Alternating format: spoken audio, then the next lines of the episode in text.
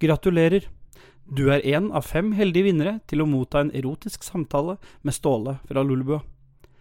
Varighet på premien er satt til to minutter. Jeg gjentar to minutter. Det vil ikke være mulig å få høre samtalen flere ganger. Denne samtalen kan bli tatt opp av humormessige årsaker. Hvis du ikke ønsker opptak, si NEI! Og du vil bli satt over til en litt kjedeligere Lolbua-medlemmet, Christian. Hvis du godtar opptak, si ja Takk.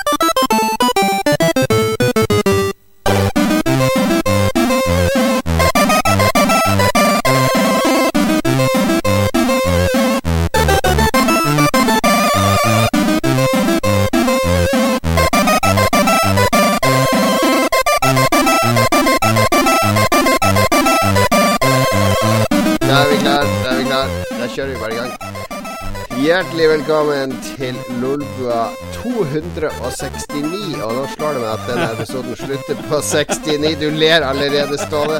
Fordi nå har jeg Jon Cato heter jeg. Og nå har jeg samla faktisk de to mest sexy mannfolkene som er affiliert med Lolbua. Vårt redaksjonsmedlem Ståle. Ja. Sexguru, du er klar? Jeg er kjempeklar. Og jeg ble Du ble glad. veldig blid nå når du så Ja. det var 269. Jeg kan fortelle at jeg har allerede sett ut det tallet, så jeg håpa at jeg skulle få lov til å være med på 269. Jeg håper jeg får være med på alle episoder som slutter på 69. Det, jeg skal skrive det opp, det skal vi sørge for. Fordi vi har den andre Dere konkurrerer om mest sexy Lolbua-deltaker. Fordi Philip hus, uh, Philip med F, Philip Fløgstad, velkommen. Det er meg. Hei, hei, hei. Og jeg syns selvfølgelig det er veldig gøy at de to med høye sexappeal i k- tilknytning til Rullebø-redaksjonen også er de med høyest BMI. Så det, om det er tilfeldig eller ikke, det Det henger kanskje sammen, det sexappeal og BMI. Hvem vet, hvem vet. Men jeg husker jo godt det var en eh, sommerepisode der jeg ikke var med, som jeg skulle høre på i bilen sammen med ungene i baksetet. Der Philip var den i anbefalingsspalten som anbefalte sex. Stemmer det? Ja. Det var der det starta. Ja. Jeg håper du ikke måtte gjenta det. Og anbefale sex flere ganger. Lyt, lytterne har forhåpentligvis lært. Ja, ja, ja. Det er sikkert flere lyttere som har prøvd det etter anbefalinga. Ja. Hvis Philip sier Oi, det, hvis Rolboa sier det, så er det sikkert verdt å prøve. Oi, dette var ikke så verst. Mm. Nei, dette var jo faktisk kjempeålreit. Tenk ikke mange, som kommer- er til å prøve 69 etter denne episoden. Og der har jeg noen, Ja. der har jeg noen poenger med hva gjelder 69. Kan jeg få lov til å ta det kjapt? Eh, kan ikke, du- kan få rase fra deg sexpratet nå i starten, står det. Ja, Og ja, for det og så fokuserer vi på spill. Vi får alltid så mye lytterbrev med sånn herre Nå må Stole, eh, Ståle roe ned litt med Ja, sexpraten. jeg vet det. Eh, Men det, var ikke så mye, det er ikke så veldig langt jeg skal holde på. Men det er bare Jeg, jeg, mener, jeg mener og alltid ment at 69 er en ren mannestilling. Vi ser liksom på det som en sånn heteroseksuell stilling. Men hvis du liksom tenker deg om, så er det jo ingenting som passer så godt som to menn i 69, Fordi da blir du liksom mata begge veier. Du slipper å jakte den ene enden. Så jeg vil bare, påst jeg bare sender ut en påstand om at jeg tror det er en bedre uh, stilling for homofile enn for uh, heteroseksuelle. OK. da var det slengt ut. Eh, hvis det er noen lyttere har noe innspill på det, så ta altså send det direkte til Ståle. Adressen får du hvis du sender han en PM. Så kan du sende et skriftlig brev om mm. 69. Mm. Oh, OK, da er vi ferdig med sexpratet. OK, Ja. Ståle? Ja. Ja. Da er vi inn eh, Vi er på sensommeren. Det har blitt august. eh, det betyr jo at høsten står rundt hjørnet. Så denne episoden her skal handle mye om høsten. Eh, høsten er jo liksom det Tradisjonelt sett så er det det halvåret fra sommeren fram til jul hvor de store spillene slippes. Og det kommer ganske mange store spill, så vi skal ta for oss de spillene senere. Vi har fått innspill fra Lars og Mats. Som, de har fått litt permisjon. Eh, de har en del ting de har det på med i Harstad eh, som tar litt mye tid. Så de har fått permisjon denne uka. Så derfor er det meg og Ståle og Philip. Kremen i Lolbua, rett og slett. Og det er ikke en sexvits inni der, står det. Selv om jeg kalte det Kremen. Nei, jeg prøver å holde meg, jeg nå. Hold deg en, ti en time, klarer du å holde deg. Jeg skal prøve. Lykke til. Eh, men før vi kommer til eh, spillhøsten, så skal vi snakke litt om hva som har skjedd siden sist. Eh, og der, eh, Ståle, du kan jo få begynne der. Vi hadde jo eh, vi, Det var ikke så lenge siden vi Nei. traff hverandre. Absolutt ikke. Eh, det var jo på sånn sommertreff hos, hjemme hos Christian. En nevrotisk Christian, vil jeg påstå. Han var virka både skremt, sint og frustrert. Og han ville ha oss Christian er jo uh, Som regel når vi møter han ute på Ja. byen i sånn Lolbua live-sammenheng, så er han en fotograf, og da er han veldig proff Ja. og blid samtidig. Det er jo det vi, han er kjent som. Eh, Ja, så jeg var litt sånn, han kom og plukka meg på togstasjonen og virka egentlig Da så smilte han litt og sånn, men idet vi kom inn i huset, så var det akkurat som jeg følte at enten, nå kommer det enten til å skje noe med oss, eller så er han bare stressa for at vi skal gjøre noe gærent hjemme hos han. Han, var- han fremsto veldig stressa. Ja. Ja. Men det, det hjalp jo ikke på at uh, pizzaen ikke kom før etter to og en halv time. At Xboxen ikke ville virke. ikke som de skulle. Alt var liksom det, Alle sånne ting som ikke nødvendigvis hadde stressa alle andre, men det traff Christian eh, treffer nok Christian litt mer kjæ- kjært eh, enn Ja, jeg kjenner meg litt. Jeg er også sånn hvis ting ikke går som planlagt, så blir jeg litt sånn irritert og stressa. Ja. Jeg, for, jeg forstår den, men uh, så gjorde vi det jo ikke bedre heller med en liten stønneseanse når han pizzabudet endelig dukka opp heller, så det er liksom uh, det, det var nok Han fikk ikke den beste støtten heller på, når det først gikk som det gikk. Men det var hyggelig sommertreff. Ja, det var kjempehyggelig. Det var godt, eh, godt uh, tiltak. Bra tiltak. Og så var det. Katarina som kjørte oss eh, hjem. Ja, da gikk vi gjennom fikk vi jo- CD-samlinga hans. Vi, vi fikk gå gjennom hennes personlige CD-samling i bilen, og der var det Det var det hva var det? var to ting. Det var Backstreet eh, Boys Ja, og så var det den og der eh, CD-en fra. Backstreet Boys, hun hadde 20 CD-er med Backstreet Boys og 20 CD-er med Eminem. Det var liksom det. Du Ja, og så det hadde som han om det er en CD-en ting. Det her er midt i din smak, eh, Philip. Ja, herregud. Det er beste musikken fra overgangen 90- til 2000-tallet. Mm -mm, min storhetstid. Å, da var jeg kjekk. Oh, oh. En, eh, en, en ny Eminem-låt med Backstreet Boys på koret, er det det ultimate du kan tenke deg i 2020, eh, Philip? I 2020 kanskje ikke. I 2000 Å, fy faen.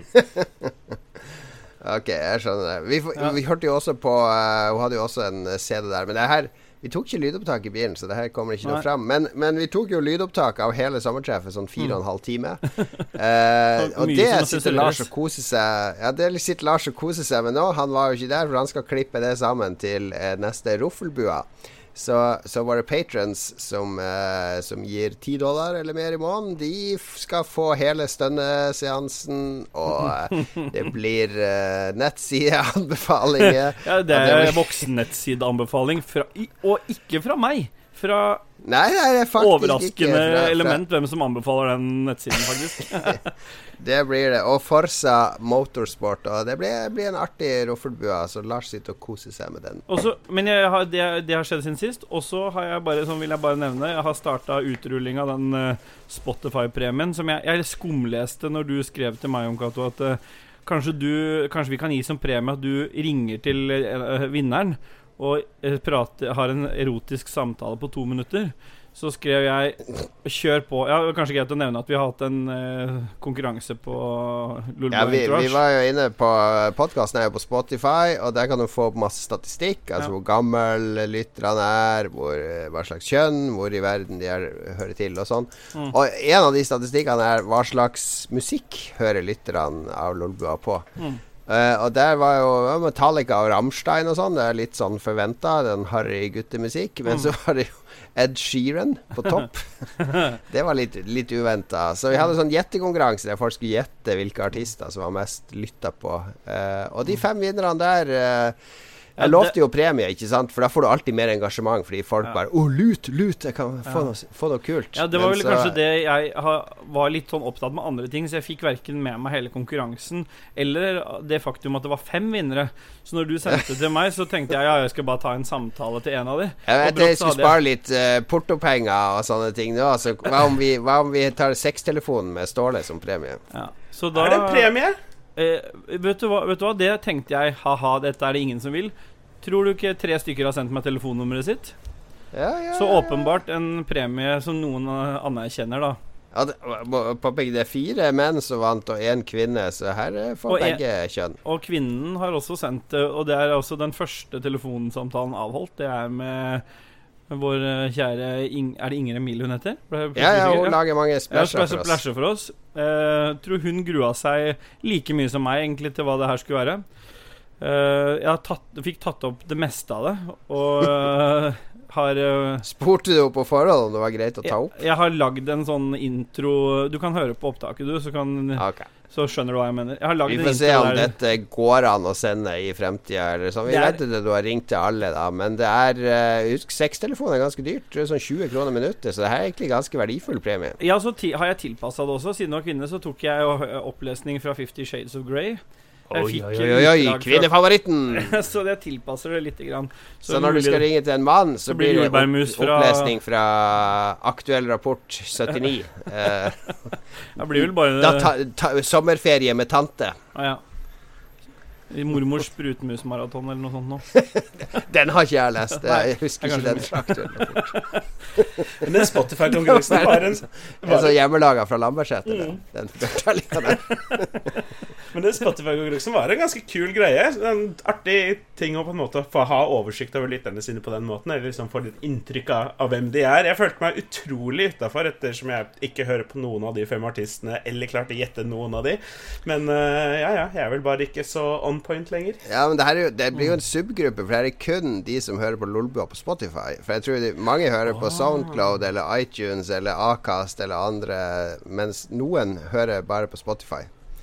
Eh, så dette er jo kun Spotify-lytterne. Riktig. Men du kunne se mer informasjon, som hvor de var fra sånn?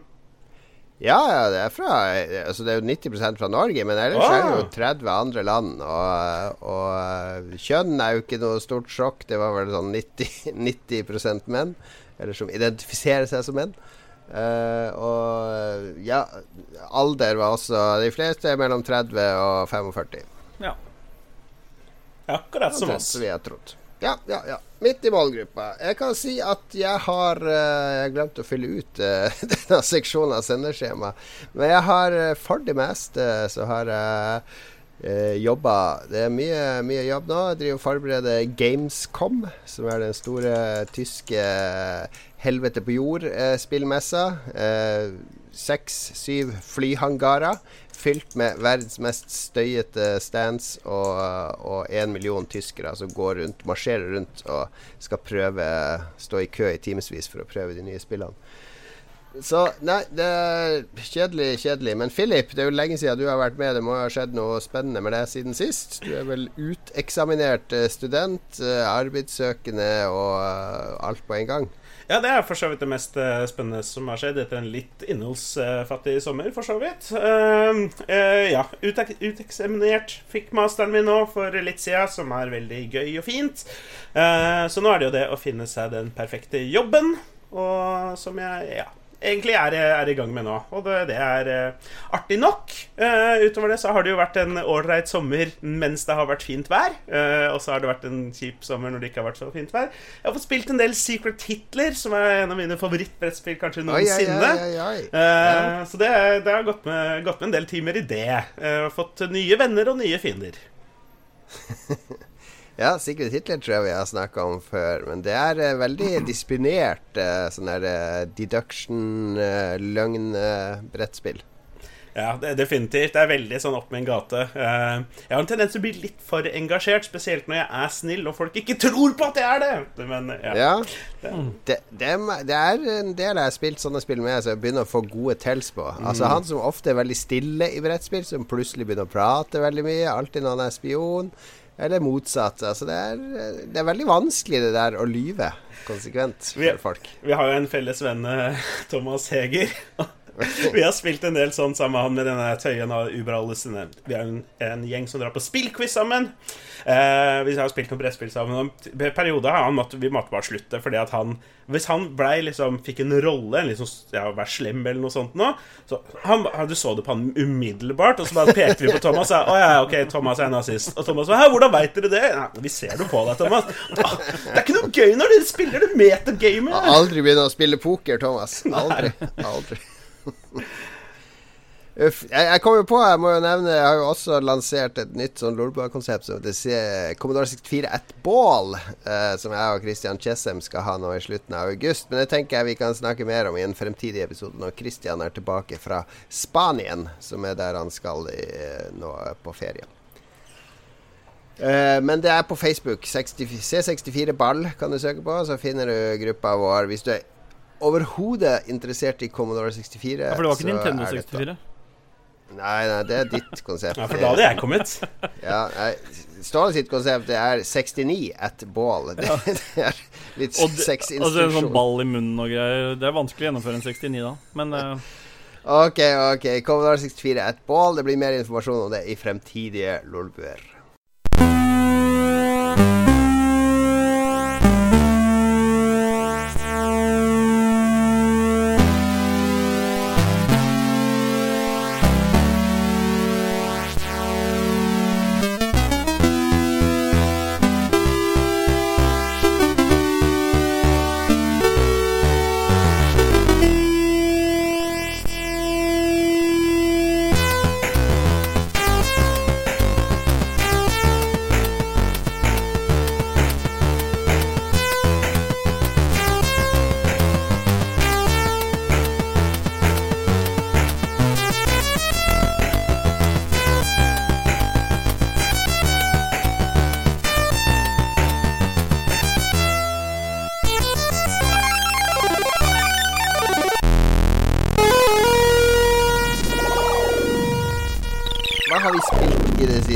Lang sommer. Jeg har spilt, eh, jeg har spilt en del forskjellige ting eh, i det siste. Jeg kan begynne her nå.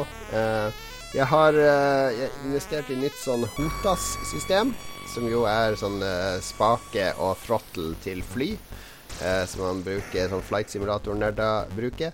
Men jeg bruker det jo kun til Elite Dangerous. Elite Dangerous har jeg jo spilt siden det kom, men det er sånn av og på. Jeg har sånn to uker der jeg elsker Elite Dangerous og bare flyr og flyr og flyr og flyr. Og så er det sånn to måneder der jeg ikke spiller det i det hele tatt. Så nå har jeg hatt en sånn uke, intens Elite Dangerous-uke, der jeg har drevet med bounty hunting, jeg har drevet og shippa masse goods, jeg har låst opp noen engineers. De kan tvike og modifisere utstyr, så at du får litt ekstra futt ut av frameshift-motoren osv. osv. Og Elite Dangerous er og blir eh, et av de deiligste romspillene jeg vet om. Altså, bare sånn åpen, gjør hva du vil. Og mestringsfølelse. Masse ting som er ganske vanskelig der. Du må finne ut av ting, google på nett. Så nå har jeg investert jeg også i uh, det sånn, Du kan ha sånne voice packs til spillet som du kan kjøpe. Jeg har en med William Shatner, der han liksom er datamaskin om bord. Og så har jeg en med han som han Brent Spiner, han som spiller Data. Han uh, varierer mellom hvem som er min computerstemme. Og så er det også voice recognition, så jeg sier jo sånn her uh, Prepare for landing, og da tar de ut eh, la understellet hvorfor streamer du ikke dette her?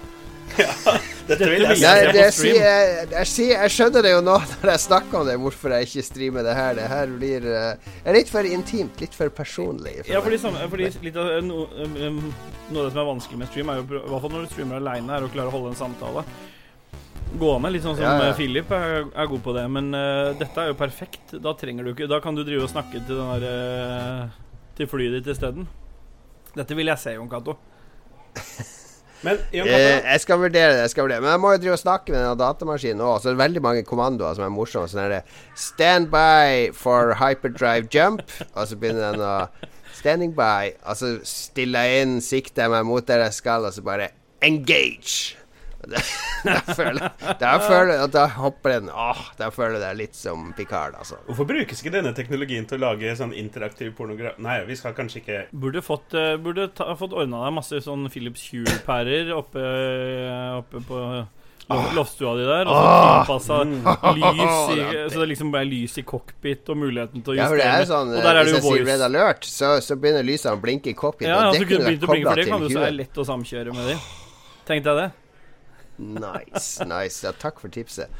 Takk for tipset. Jeg spilte også har begynt på det Fire Emblem Three Houses, som er et nytt uh, Nintendo-spill, strategispill til uh, Switch. Uh, som det, vel, det har vel vært på DS før. som er, det er sånn taktisk kampstrategispill. Der du styrer sånn folk med pil og bue og sverd og osv. på et sånn rutenett. Altså turn-based. Akkurat som XCOM og sånne ting. Uh, og det er jeg, liker, jeg har alltid likt de spillene på DS, men de har virkelig liksom pusha på produksjonsverdien på Switch-versjonen. Det er utrolig velprodusert. Og masse sånn animerte folk når det er dialoger. Det er ikke de her stillbildene lenger. Folk beveger seg og snakker. Så har du sånn helt sånn Harry Potter-minigame der du går rundt og utforsker en gigantisk skole og gjør sånne quests for folk. Sånn 3D exploration, altså sånn typisk JRPG-by som du utforsker og plukker opp ting og, og samler på ting og bruker ting. Plante planter mellom de forskjellige slagene. Du følger en sånn kalender, så med jevne mellomrom så er det ting som skjer. Mm. Så jeg var litt skeptisk på forhånd til om det var liksom sånn fullverdig Switch-spill, men det koste meg masse med det de siste to dagene. Jeg har, ingen, jeg har ikke noe forhold til den serien i det hele tatt, ja, men jeg har sittet og sikla litt på det. Men uh, da det fordrer at man har litt uh, kjærlighet for uh, JRPG, da. Ja, du bør ha sansen for det, i hvert fall. Sansen ja. for det. Må ikke være sånn Final Fantasy 7-hater som Men ville du valgt det framfor mange andre store spill i den sjangeren? Som har kommet den siste tiden, eller er det Eller er det en hva vil du Den turn-based strategisjangeren er ikke så okay. sinnssykt mange spill der. Det er liksom XCOM og en ja, okay. del Så det er sånn fighting Ja. ja sånn rutenett, uh, action points, movement points osv. Ja, okay. Jeg har ikke ja, for vi skal spille for vi skal Ståle falt helt av. Det var sånn, Ståle fulgte litt etter den vogna. Litt nysgjerrig på OK, ha det. Ha det. Nei, men, okay, men, men, men, men, da maker det litt sens, for hvis du først skal spille ren turn-based combat, så spiller du bare Final Fantasy 7 på nytt. Nei, åh Vet du hva, Philip? Jeg har aldri spilt Final Fantasy 7 uh, mer enn uh, Jeg har spilt et par timer, jeg har aldri spilt igjennom. Skal streamer streame det for det? Ja hvis, du, ja, hvis du kaller streamen Final Fantasy 7 for Ståle, okay. så skal jeg se hele. Ok, Da bruker jeg Lolbua sin uh, streamkey. ja, det, det skal du få lov til. Det skal du få lov til. Uh, Philip, du er uh, Du har spilt noen gamle greier. Uh, ja, som vanlig, holdt jeg på å si. Jeg spiller jo ikke nye ting lenger. Dette er jo helt sjukt. Um, jeg har selvfølgelig tatt mine runder med mine vanlige spill, både Heroes of Storm og League of Legends. Går noen runder i sånn jevnt og trutt. Men, Heroes of the Storm, er det spillet som fortsatt fins? Ja, det eksisterer fortsatt. Serverne lever. Eh, det kommer ny helt denne uka her og alt mulig, men eh, ja, det er jo Det eneste nyheten vi får om det spillet, er jo egentlig bare at folk i utviklingsteamet slutter og begynner i andre okay. jobber. Okay. Um, ja. Men uh, siden det har vært sommer, så har jeg fått, uh, fått plukka opp et par liksom, singleplayer-opplevelser som jeg har venta litt med. Um, uh, først og fremst Skyrim, som jeg nå har fått Skyrim nå? Skyrim. Ja. har jeg endelig Har du ikke fått... spilt det før? Jeg kjøpte Skyrim dagen det kom ut, på Xbox 360. Mm. Wow, det er lenge siden. Og jeg er på Elkjøp, min lokale Elkjøp, og kjøpte det dagen det kom ut. Og jeg spilte kanskje ti timer eller noe sånt. Og så ble jeg veldig slått av hvor at det var litt for mye å gjøre på én gang. Og så gikk jeg over til et mm. annet spill, og så plukka jeg det bare aldri opp igjen.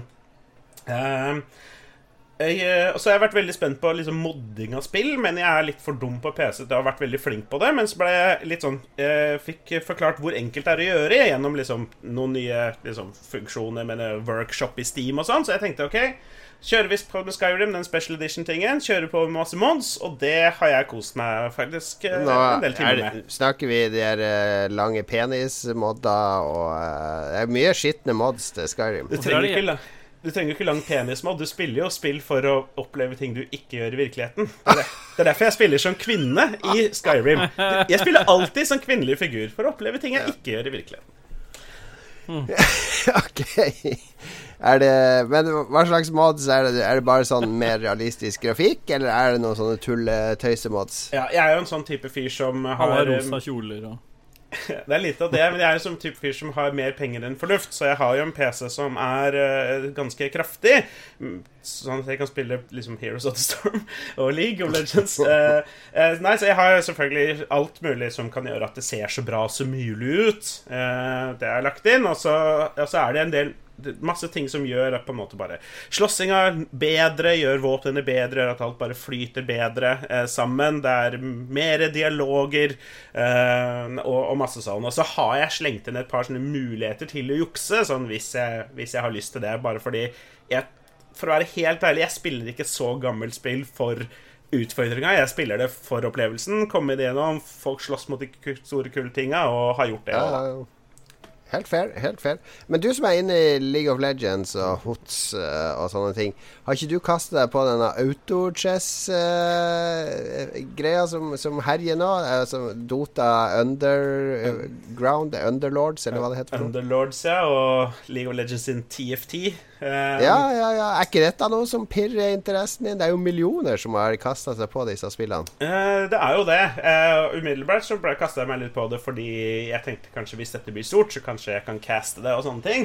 Um, og spesielt av TFT, siden det er League of Legends jeg har spilt mest. Dota 1. Ja, det er jo også det mest kompliserte av det. Det har jo ikke vi snakka om i Lolbua før, fordi vi er litt vi er veldig sånn konservative. Vi spiller sånn der eh, old school-spill, sånn som vi snakker om nå, Skyrim og sånne ting. Det er veldig Lolbua-tema. Jeg føler at vi må Nå har jeg sjansen her til å lære litt mer om, om, eh, om denne, denne, auto... Har du hørt om autochess-spillene, Ståle? Nei, ikke damn shit. det er en ny, uh, ny up and coming hot shit som skjer nå på PC. Og det er ikke bare på PC. Jeg tror du får Dota Underlords, er vel på mobil ja, også. Det, er, ja, det får du på ja, og, og, og, basically går det ut på at du kjøper Du har noen penger, og så kan du kjøpe styrke styrker eller effekter. Og så er det et sånt sjakkbrett, og så putter du styrkene dine der. Og så bare ser du på at de slåss mot motspilleren sine styrker. Du har ingen innflytelse i selve kampen. Eh, Bitte litt taktikk i hvordan du plasserer ut styrkene. Ja, Bitte litt taktikk i hvor du plasserer de på brettet, men 90% av taktikken ligger i hvordan du disponerer pengene dine, og hva du kjøper, og, og når du kjøper, og når du velger å ikke kjøpe og spare pengene. Og det har blitt Jeg har prøvd å spille det, men jeg har ikke klart å spille det nok til å fatte hva er det som fenger så veldig med det her. Mm, nei, jeg, Det er akkurat det som er litt kjedelig. Jeg skulle nesten ønske jeg visste at vi skulle snakke om det, fordi det er veldig interessant. Det er et veldig artig konsept som vokser, og det er, det er turneringer. Twitch Rivals har hatt uh, turneringer i det med pengepremier uh, i det TFT. og uh, det er definitivt en greie som, som driver vokser, for det har jo dette multiplayer-elementet hvor i hvert liksom game så er det åtte spillere. Og mm. så går man videre på en måte og klatrer. Og så hvis man vinner da liksom siste rundt, så får man x antall poeng. Og så er det leaderboards og alt mulig. En kjempesvær greie. Og, ja, og det er som du sier, du, du, gjør noen valg. Og så liksom klar, ferdig, gå. Og så lener du deg tilbake og håper at de valgene du gjorde, var, var gode. Og litt som deg, så har dessverre heller ikke jeg klart å se appellen helt i det enda. I hvert fall ikke, den har ikke helt truffet meg, men det er jo noe som fenger kidsa. Ja, ja, Jarle i Pressfire, altså han, eh, en av de to i Pressfire, han, han har prøvd å rekruttere meg til uh, Dota, så kanskje vi skal få Jarle inn som gjest uh, i nær fremtid, så vi kan få høre mer om do, denne nye battle autochess-sjangeren. Mm. Jeg ser Ståle nå. Så blanke blikk har du ikke vært siden Flight Simulator-episoden. Altså, Ståle det, jeg, jeg, jeg, føler Jeg er i snittet ganske god til å ljuge. Det liksom Det føler jeg. Men uh, noen ganger så svar, bare fader jeg litt ut. Men uh, det, dette er bedre enn uh, fly, så jeg, jeg, er med nå, da. I motsetning til flyepisoden. Ja. Da var jeg ikke med. Da fikk jeg jo innspill fra Dag Thomas i chatten liksom, på hva jeg skulle si. Det hadde vært litt kult hvis Kan man ha interne turneringer i sånn Dota Underlords? Altså at man setter opp eh, og bare spiller mot venner? Uh, Underlords har jeg ikke spilt, så det vet jeg ikke. Men du kan okay. i hvert fall time opp. Og hvis du timer opp med nok mennesker, så kontrollerer du jo på en måte de spottene i spillet antar jeg. Ja, ja, ja. Fordi, det hadde vært kult hvis alle i Lolbua lasta det ned og spilte det siden jeg er på mobil og sånn, og så ser vi hvem, hvem i Lolbua er best i autochess. Mm, man skjønner noe av dette her etter hvert. eh, bare nevne også at, at uh, For å gå sånn litt videre Jeg har også prøvd å skjønne noe av Monster Hunter World, som jeg har kjøpt tidligere i, i sommer. Eh, oh. Sikkert også noe dere har snakka om, om, tidligere. Men det er eh, et ganske artig Også et ganske artig spill som jeg har litt sånn utsatt å spille. Men jeg har noen venner som driver og holder på online og jakter monstre sammen, og det virka veldig artig. Og liksom ja, opp Kjempeintuitivt å, å, liksom spille sammen nå. Mm -hmm. Det funka jo kjempegreit og enkelt. Nei, for vet ellers har jeg egentlig ikke helt skjønt hvordan jeg gjør det. Men disse Nei. mer erfarne vennene mine, de, de, tar seg av meg. Så det, det går seg til. Ja, nei, men det er et bra spill. Det er et bra og levende spill. Altså. Og en god blanding av sånn østlig spillfilosofi med du må lære deg å styre figuren din. Det er opp til deg. Og, og, og litt sånn vestlig presentasjon og omgivelse. Jeg liker det veldig godt. Mm. Uh, og uh, angående Monster Hunter, om det er gøy å spille i singleplayer uh, ja? Spørsmålstegn? Er det ikke det, Jon Det- Cato? Men det er, ikke, Jo da, det er bare ikke like spiller- gøy. Jeg spiller nesten alle sånne spill i singleplayer. Elite Dangerous og Monster Hunter og til og med World of Warcraft spiller jeg i singleplayer. Jeg tror, det der er jeg helt på andre enden igjen. jeg. Jeg øh, har liksom Jeg- gått mer og mer de siste par åra. Gått mer og mer til det Fordi når jeg bruker kveldene mine sånn, så er synes jeg setter jeg mest pris på det å kunne bare sitte og øh, prate skit med, med Ja, men kompiser der, der er vi liksom veldig ulike. Fordi Ja. ofte når det er sånn multiplayer eh, Enten det er Destiny eller Monster Hunt eller hva det er, så blir jeg sittende så jævla mye og vente på folk. Jeg skal bare ned i Volt. Jeg skal bare hente noe i Volt. Jeg må bare, jeg må bare hente noe. Bounties. Jeg må bare jeg jeg, vent, du, jeg har feil, feil ut. Jeg, jeg, skal bare, jeg skal bare sjekke. Jeg skal bare hente. Og så står du der og venter og venter og venter. Så er det liksom to timer jeg kan spille, og tre kvarter av de to timene Jeg skal, jeg skal bare sjekke nå. Jeg skal Midt i, midt i striket så er det bare Vent, vent, vent, vent, vent jeg skal bare sjekke noe greier her. Jeg skal bare se hva jeg fikk Ja. av lut akkurat Og så nå. står og løper gjennom sånn Nightfall eller noe sånt, og så dauer du, og så ser du han ene står og skyter med en sånn råttent, idiotisk gevær som ikke er burnt på. Så, "Hva er hvorfor står du og skyter med det våpenet? Jeg har så bounty! Jeg ha 20, 20, 20 solar kills! Slutt! Slutt med det! Det Bare spill fokusert. Vi skal Cato, gjennom ting. du skal øh, spille litt med meg. Du skal få skjønne åssen det er å bare sitte og prate skit uh, og game og kose seg. Det er jo fantastisk, det òg, skjønner du. Det er, Det er så- det er sikkert- men- kona mi som har bedt meg om å gjøre det, for ellers så har jeg den så er det prater jeg høl i huet på henne. Så det er liksom alternativet er, er enten at jeg blir satt bort Jeg, jeg setter meg ikke ved spill sjøl. Jeg kan komme hjem fra jobb, og så, får, så sier hun 'Jeg har lada opp headset og kontrollen til deg'. Da skjønner jeg liksom at det, det er ikke utelukkende bare fordi at øh, hun skal være snill. Men jeg, har sett en, ja, men jeg har sett det litt Jon Cato beskriver bare fra andre siden. Jeg husker når Destiny kom ut. Jeg hadde vært ute og reist en stund, kom hjem. Alle hadde spilt masse Destiny i et sånn par måneder. Jeg kjøpte PlayStation, joina noen kompiser. Og så prøvde jeg bare å forstå hva i all verden dette spillet var. Men de var sånn Nei, kom igjen, da! Vi venter på deg! Kom igjen! Vi, kom igjen! Og så plutselig hadde de sånn cleara whatever vi holdt på med, og så hadde jeg egentlig ikke fått med meg hva som skjedde. Jeg tror jeg fikk noe lut. Det er det verste verste som er, egentlig. Det er når du kommer inn litt seinere, spesielt i Destiny. Uh, Og så har du kanskje klart å bli dratt gjennom nok til at du har nok uh, godt nok gear til å bli med på et raid. Men fordi at ingen gidder å ta seg tida til å fortelle, så bare Ja, men du kan stå der, og så når det skjer, så bare skyter du på det, OK? Så du, du skjønner ingenting av mekanikken ingenting, og du skal bare stå der og være sånn her statist. Det, det er ikke rart du, du verver ikke mye, mye nye spillere på det, altså. Jeg har masse tålmodighet med nybegynnere, men det er de der, eh, Ja, de overperfeksjonistene som, som skal bruke så lang tid på alt. Og det er de som har mest timer, som bruker lengst tid. Mm. Det er min, min erfaring. Jeg Det er en grunn til at de har så jævla mange timer. Det er at de kan jo ikke spille fokusert. Jeg forsøker fortvilt å ikke slå noen sexrelaterte vitser her nå. Men, uh... Ståle, Ja. det er bare skyting på det. Skyt, Nei, det er skyt, ikke egentlig det, men jeg tør, jeg tør ikke å skrive. Sea of Thieves i Nei, det er Sea of Thieves. Det er Eh, Nei, jeg vet det, så jeg har ikke skrevet det. Men jeg har spilt uh, jeg, altså, Det har blitt litt Apex Legends, og fordi jeg spilte det litt, så ble jeg sittende her og så dra fram et spill jeg spilte veldig mye før, og det var Overwatch.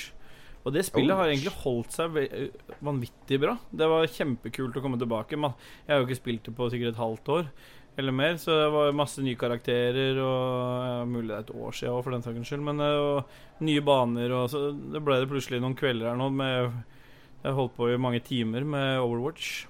Og jeg selvfølgelig kjøpt Jeg måtte kjøpe det på nytt, da, fordi jeg har gått over til å bli, bli en hardcore Xbox-fan, så jeg, ja, ja. all min progresjon ligger jo på PlayStation, så Damn. Da fikk du masse nye lootboxer. De kaster jo etter deg fra level 1 til 20. Ja, så jeg, og jeg er jo en som, en person som elsker lootboxer i utgangspunktet, så det er jo bra. bra. Nei, men eh, Så jeg har kosa meg skikkelig med Overwatch, faktisk. Så det Men det er hovedtyngden av hva som skjer om dagen, er jo selvfølgelig of Thieves. Sea of Thieves. Mm.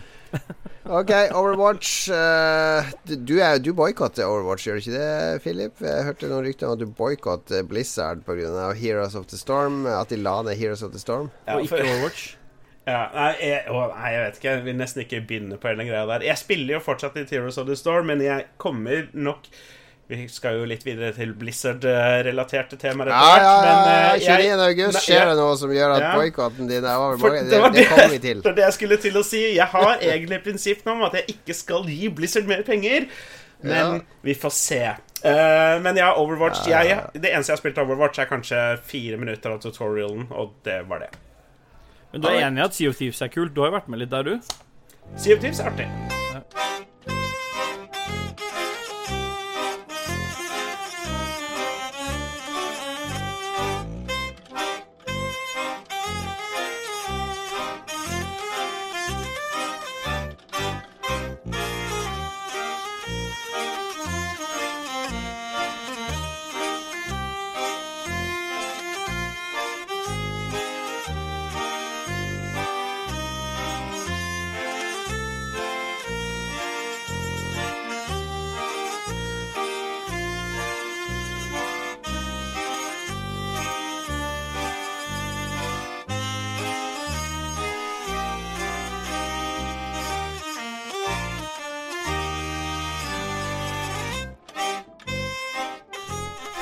høsten 2019. Det er nå vi eh, nerder endelig kaster solkremen, eller setter den i skapet så den kan gå ut på dato til neste år.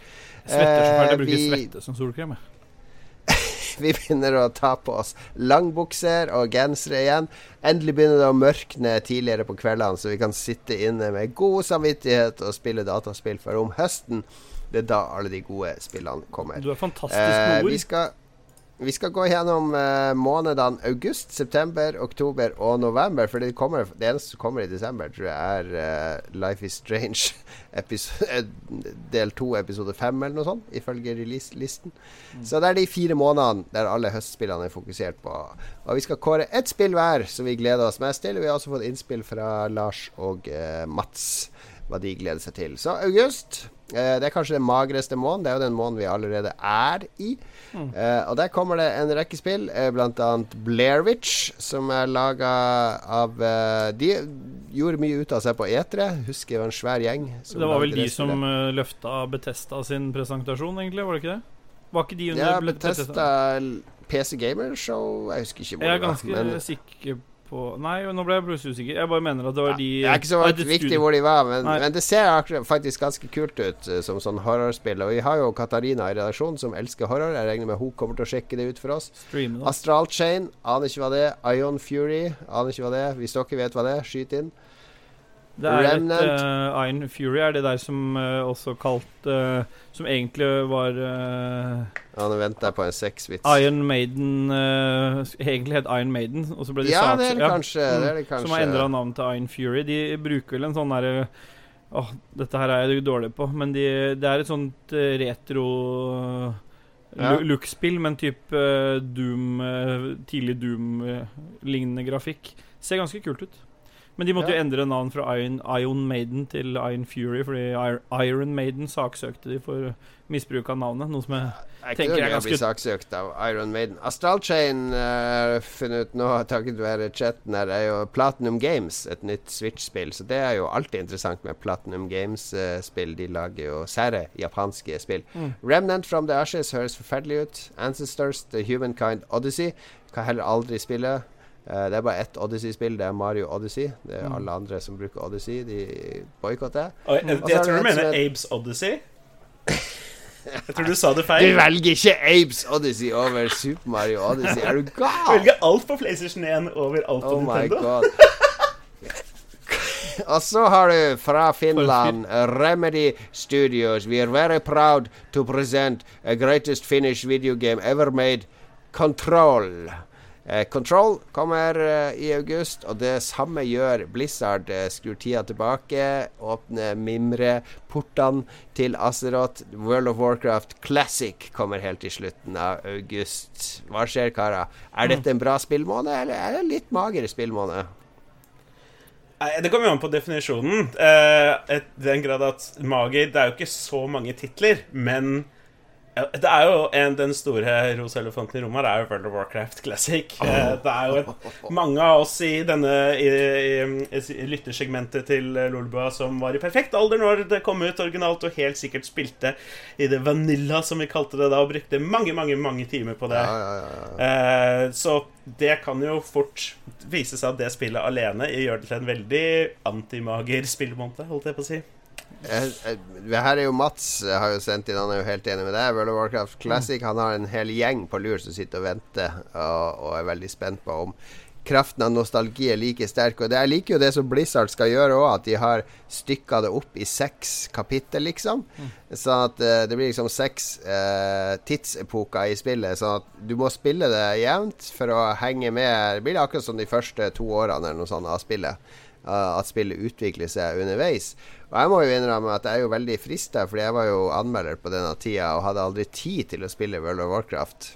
Uh, så når jeg begynte å spille det for fire år siden, basically, så satt jeg og hørte på sånn World of Warcraft-podkast fra 2006, The Instance, med Scott et eller annet. Og liksom hørte på den eh, fra den tida, når jeg var level 1 ikke sant, til level 30, 40, 50 Altså de samme opplevelsene altså de hadde, bortsett fra at verden ja, Mye hadde jo skjedd siden da, men hele den der um, atmosfæren, altså den stemninga, hvordan det var på den tida, når alt var mystisk og vanskelig og nytt, og, og den der uh, iveren Det var jo sånn feber rundt spillet, ikke sant. Det er veldig smittsom. Når du hører på den podkasten, fikk jeg veldig lyst til å Veldig angra på at jeg ikke opplevde den tida, så jeg, jeg, jeg kommer jo også til å kaste meg inn i det med, den, med det formålet å kanskje føle på noe av det samme som skjedde da. Ja, eh, jeg, er, jeg er utrolig frista, eh, men hvis jeg gjør det, så må det være litt sånn Da må jeg gå inn med litt den samme mentaliteten du har. Du, bare, du sender bare inn sånne halvhjerta jobbsøknader nå, fordi, Ja. fordi du håper nei, at du ikke får noe jobb for etter jul. Det var dumt. Filler'n, får vi spille ut WoW Classic, da. Eh, nei, eh, fordi ehm, jeg har spilt en god del World of Warcraft opp gjennom årene i forskjellige, i forskjellige perioder, og jeg klarer nesten ikke spille det spillet uten å spille det mye. Eh, ikke da spille mye, men drive, drive med dette raiding-greiene, hvor du da må spille minimum så mange timer i uka, og så må du forberede til det og sånne ting. Og det var det, ja, det var det jeg gjorde i gamle dager òg, med WoW Vanilla, holdt jeg på å si. Det som dette skal gjenskape. Ehm, og jeg er litt redd for at jeg ikke Jeg kan ikke spille WoW Classic uten å gjøre det i tillegg. Uh, Ja, nei, nei. jeg, jeg, jeg har dårlig selvdisiplin, liksom, så jeg, jeg vet egentlig ikke om jeg tør. Eh, men, men hvis spillet Ok, jeg er utrolig skeptisk til at spillet klarer å gjenskape den magien det var å gjøre det første gang, siden det er så utrolig lenge siden. Vi er alle i utrolig forskjellige posisjoner i livet. Jon Cato har fått tolv barn siden sist, liksom. Og det er bare sånn det er, det er vanskelig å gjenskape den. Jeg var ung, jeg var liksom student og spiste Grandis og liksom var satt lenge opp om natta. Eh, men hvis spillet Slutta å spise Grandis? har, jeg slutta ikke, jeg bare spiser ikke like mye lenger. Eh, det eh, men ideen er at hvis spillet bare klarer å gjenskape halvparten av den magien som den klarte i, i, i originalt, så er kanskje det nok da til at jeg bør legge noen timer i det. Ja, vi får Ståle, du har fasa ut igjen. Nei, jeg har ikke fasa ut Du har aldri Jeg bare- jeg spilt World of Warcraft. Nei, for jeg har ikke, har ikke vokst opp med å spille noe på PC. Jeg har bare hatt konsoller opp igjennom, så for meg så Men har du, du sitter jo her nå og snakker om at Mm. uh, det beste er å komme hjem og spille med andre og prate skit og noe sånt. Mm. Ja. MMO er jo det ultimate stedet det å gjøre det på. Det er helt sant. Og jeg hadde, jeg hadde en kompis som spilte Som har spilt sånn som dere beskriver her, og helt siden starten. Og det så all, Jeg husker alltid at det så så utrolig kult ut. Jeg hadde så lyst til å være med på det greiene der. Prøvde et par Jeg Mm. husker jeg spurte han et par ganger om han kunne vise meg, men da jo, var han jo høyt oppe i level og satt midt i et raid, så han var ikke akkurat det mest interessante å for, sitte og fortelle meg om hva de forskjellige tinga var. Så ble det egentlig aldri Ble det aldri noe av. Og nå Mm. se, ha, har jeg hørt i ettertid hvor mye tidsluk det har vært for noen, så det har liksom alltid ha, har vært andre spill å spille, så det har liksom ikke Jeg har ikke trengt flere tidsluk, men det er jo det er Ja, ikke ja. sånn at det ikke frister. Uh, men sånn som jeg har skjønt, hvis man skulle gått inn i World of Warcraft nå uten å ha noen ting, så er jo Sånn som jeg har fått høre fra andre, så er det nesten bedre å ta nyeste World of Warcraft sånn som det er i forhold til tilrettelegging for å komme inn som ny. Ja, dette her er jo mer Jeg vil, jeg vil, jeg vil anta at det er At det er liten effekt for meg å ta hoppe inn i eh, World of Warcraft Classic jeg vet ikke. Forskjellen jeg, jeg, tror- jeg tror det er en tosida mynt. for- Fordi den ene siden så uh, Når WoW Classic har vært i beta, som det har vært nå over de siste månedene, det siste halvåret, så har det fått inn masse klager, masse bug reports fra betatestere på, på funksjonalitet som er meninga at skal være sånn. Ja, ja, ja. Eh, men det var, fordi det var sånn det var i Vanilla. Men folk bare Hæ, det kan jo ikke være så tungvint. Det kan ikke være så vanskelig og tidskrevende å gjøre disse tingene. Men det er det. Det er sånn det er ment å være. Så helt riktig som Ståle sier, at for en ny spiller så er det mye mer behagelig og komfortabelt å spille den nyeste versjonen enn å, enn å begynne fra begynnelsen av. Eh, og det jeg ser det er flere som sier at det er helt uinteressant med WoW Classic. men hvis du i det hele tatt som du sier så, har vært litt nysgjerrig på det, og hvis Lolbua setter sammen liksom, Det er en liten gjeng på fire-fem stykker som skal spille og levele sammen Jeg tror det er kjempeartig, egentlig. Og en liten, liten gjeng som bare Vi skal prøve Vi skal prøve å få det til, for jeg ser jo at både jeg og eh, Mats og Philip vi har valgt uh, WoW Classic som augustspillet vårt. Mens du, Ståle, du, du ble sjarmert av Hello, uh, Join me in the sauna for this amazing Finnish game. Jeg- eh? jeg tror jeg Just take skal, off your um, clothes and lose your control. Hvis, hvis du, de, som, de som har fått med seg um, Roffelbua, vet at min finsk italienske aksent ofte blir finsk, og motsatt.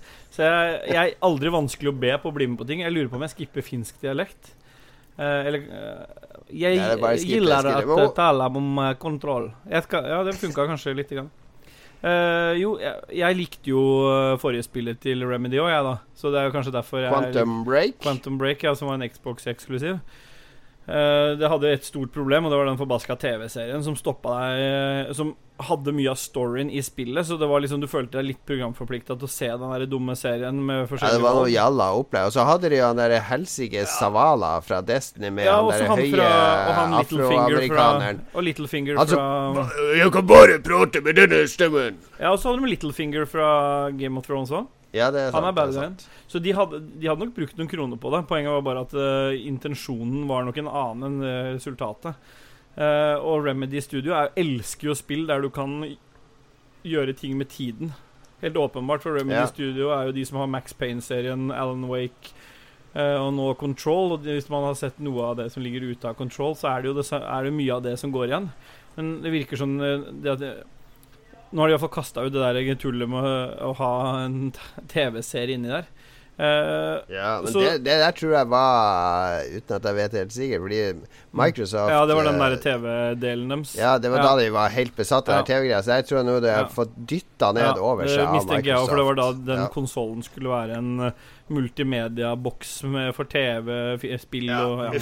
jeg er Helt enig. Men det har de kutta ut nå, så det er bra. Men, eh, men så så jeg lite grann på noen greier i, på YouTube i stad. Noen, noen trailer og noen gjennomgang av noe noe in game eh, in game eh, footage. Eller, så, og da var jeg litt sånn Da lurer jeg på om vi kanskje har sett det litt før, men uh, av de spillene som kommer i august, så er det jeg er mest keen på å, teste. Men igjen, jeg er mest glad i det sosiale når det kommer til spill. Så strengt talt så burde jeg kanskje bare kasta meg på World of Warcraft Classic, men uh, jeg ender nok opp med Control og spille gjennom det. Kontroll ser veldig spennende ut. Jeg kjenner jo et par som jobber der òg, så de, de, det virker som det er en annen vibe i det studio foran det spillet enn det var foran Quantum Breaks. jeg har troa. jeg har Ja, virker- Lars er veldig skeptisk. Ja, men så Lars virker eh, det- sier Det virker Nå vet jeg ikke åssen hele spillet blir, da, det er vel ingen som vet, men det virker veldig sånn uh, uh, mer fokusert. Altså Det virker som det er i denne Mye av spillet omdreier seg i selve denne bygningen, denne mm, Federal Bureau of Control, som det eh, selskapet heter, som en, en, en kvinnelig hovedkarakter begynner å skal jobbe i. Og så er det Er det noen overnaturlige krefter og Litt sånn man har hørt det før, men det virker som det er veldig sånn fokusert i denne bygningen. Litt sånn som de tidligere Resident Evil-spillene også var. At man får en sånn fokusert, kompakt sted Ja, ja, ja. istedenfor en sånn veldig stor open world. Så da får man liksom en plass der du kan eh, Det, fokus er nok bra. Ofte er problemet i sånne spill òg, for meg, når du får sånne powers, at nå kan du Ja. begynne å løfte ting og manipulere tid og skape ditt og datt, er at så lenge jeg får skytevåpen, så tenker jeg ja, men da bare går jeg i cover, og så skyter jeg hele tida. Og det var Og så bruker jeg nesten aldri de der overnaturlige Nei, Og kreftene. det var også problemet til ehm, til Quantum Break, ikke sant? Eh, for det var samme greia. Der fikk du bare mer og mer og mer power, så masse kombinasjoner av det kunne du gjøre Ja, sånn, ja, og så kunne du bullet Altså, ikke sant? Og så endte du egentlig bare opp med at uh, du bare skøyt isteden. For hvorfor skulle du drive og flytte deg og stoppe tiden når du bare kunne skyte dem i huet alle sammen, og så gå videre til neste rom? Og det er liksom problemet. Men her har de jo fjerna vanlig type våpen, da, for her er det våpenet ditt er et sånt spesielt våpen som, Da kan det funke, tror jeg. som endrer det, seg. det kan det funke. Så det, det er Vi, liksom eh, men Lars er skeptisk, der, for han sier eh, Lars er alltid skeptisk. Eh, han er jo Uh, Hvis det ikke er laga på 80- eller 90-tallet, så hater Lars det i utgangspunktet. Da må du liksom overtale han til ja, å Du like har det. deg Inkluderer- skeptisk til sex òg, jeg. Ja, Egentlig. Han er skeptisk til sex. eh, liker kun den sexen han hadde på 90-tallet. Ingenting sex etter 90-tallet er Lars fornøyd med. Den første onanien han gjorde, det gjennomførte, det er den han Han likte lengter godt å onanere på 80- og 90-tallet, men ikke nå lenger. Nei. Så det er å i fortida. Men altså, han, han, han sier at han så ingenting han har lyst til å spille på den lista. Control fra Remedy ville han ha sett fram til en gang, men Quantum Break var så skuffende at han muligens bare lager sitt eget garn denne måneden. Ja, ja. Eh, eh, Lars om det. Vi har dømt August. Vi har dømt August. Neste nå, etter denne låten, er september.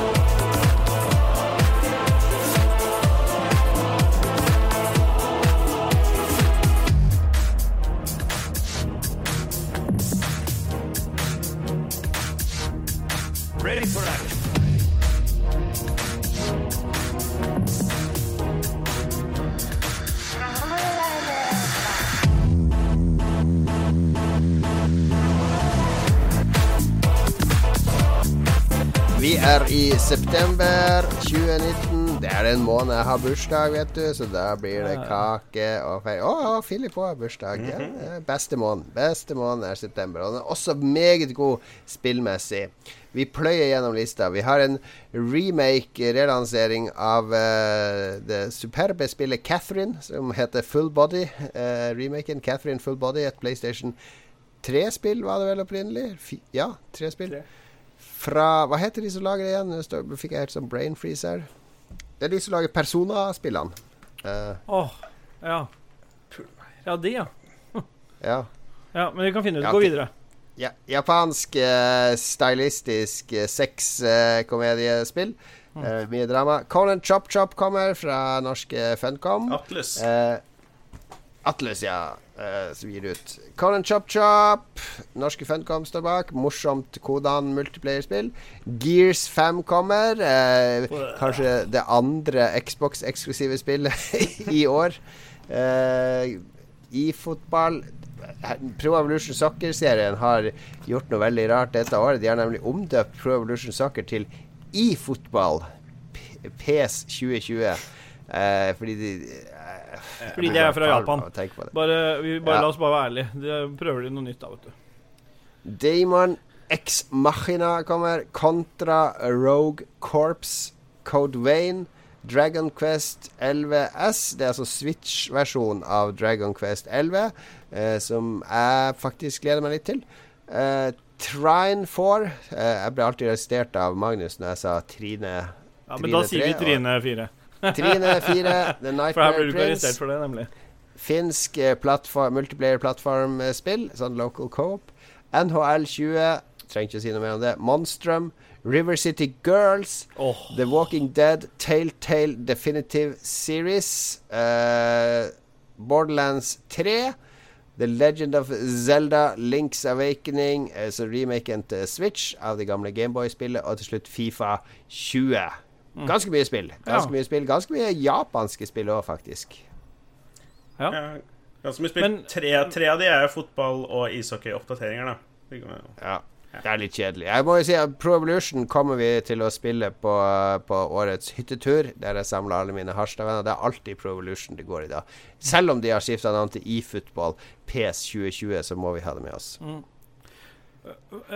Conan Chop Chop, var, var ikke det det spillet som opprinnelig starta som en aprilspøk, som folk syntes hørtes så kult ut, så de endte opp med å lage Ja, det? et uh, briljant markedsføringsstunt Ja, ja, ja. fra Funcom der. Og annonserer det 1. april, så alle tror det er en aprilspøk, og så er det egentlig ikke en aprilspøk.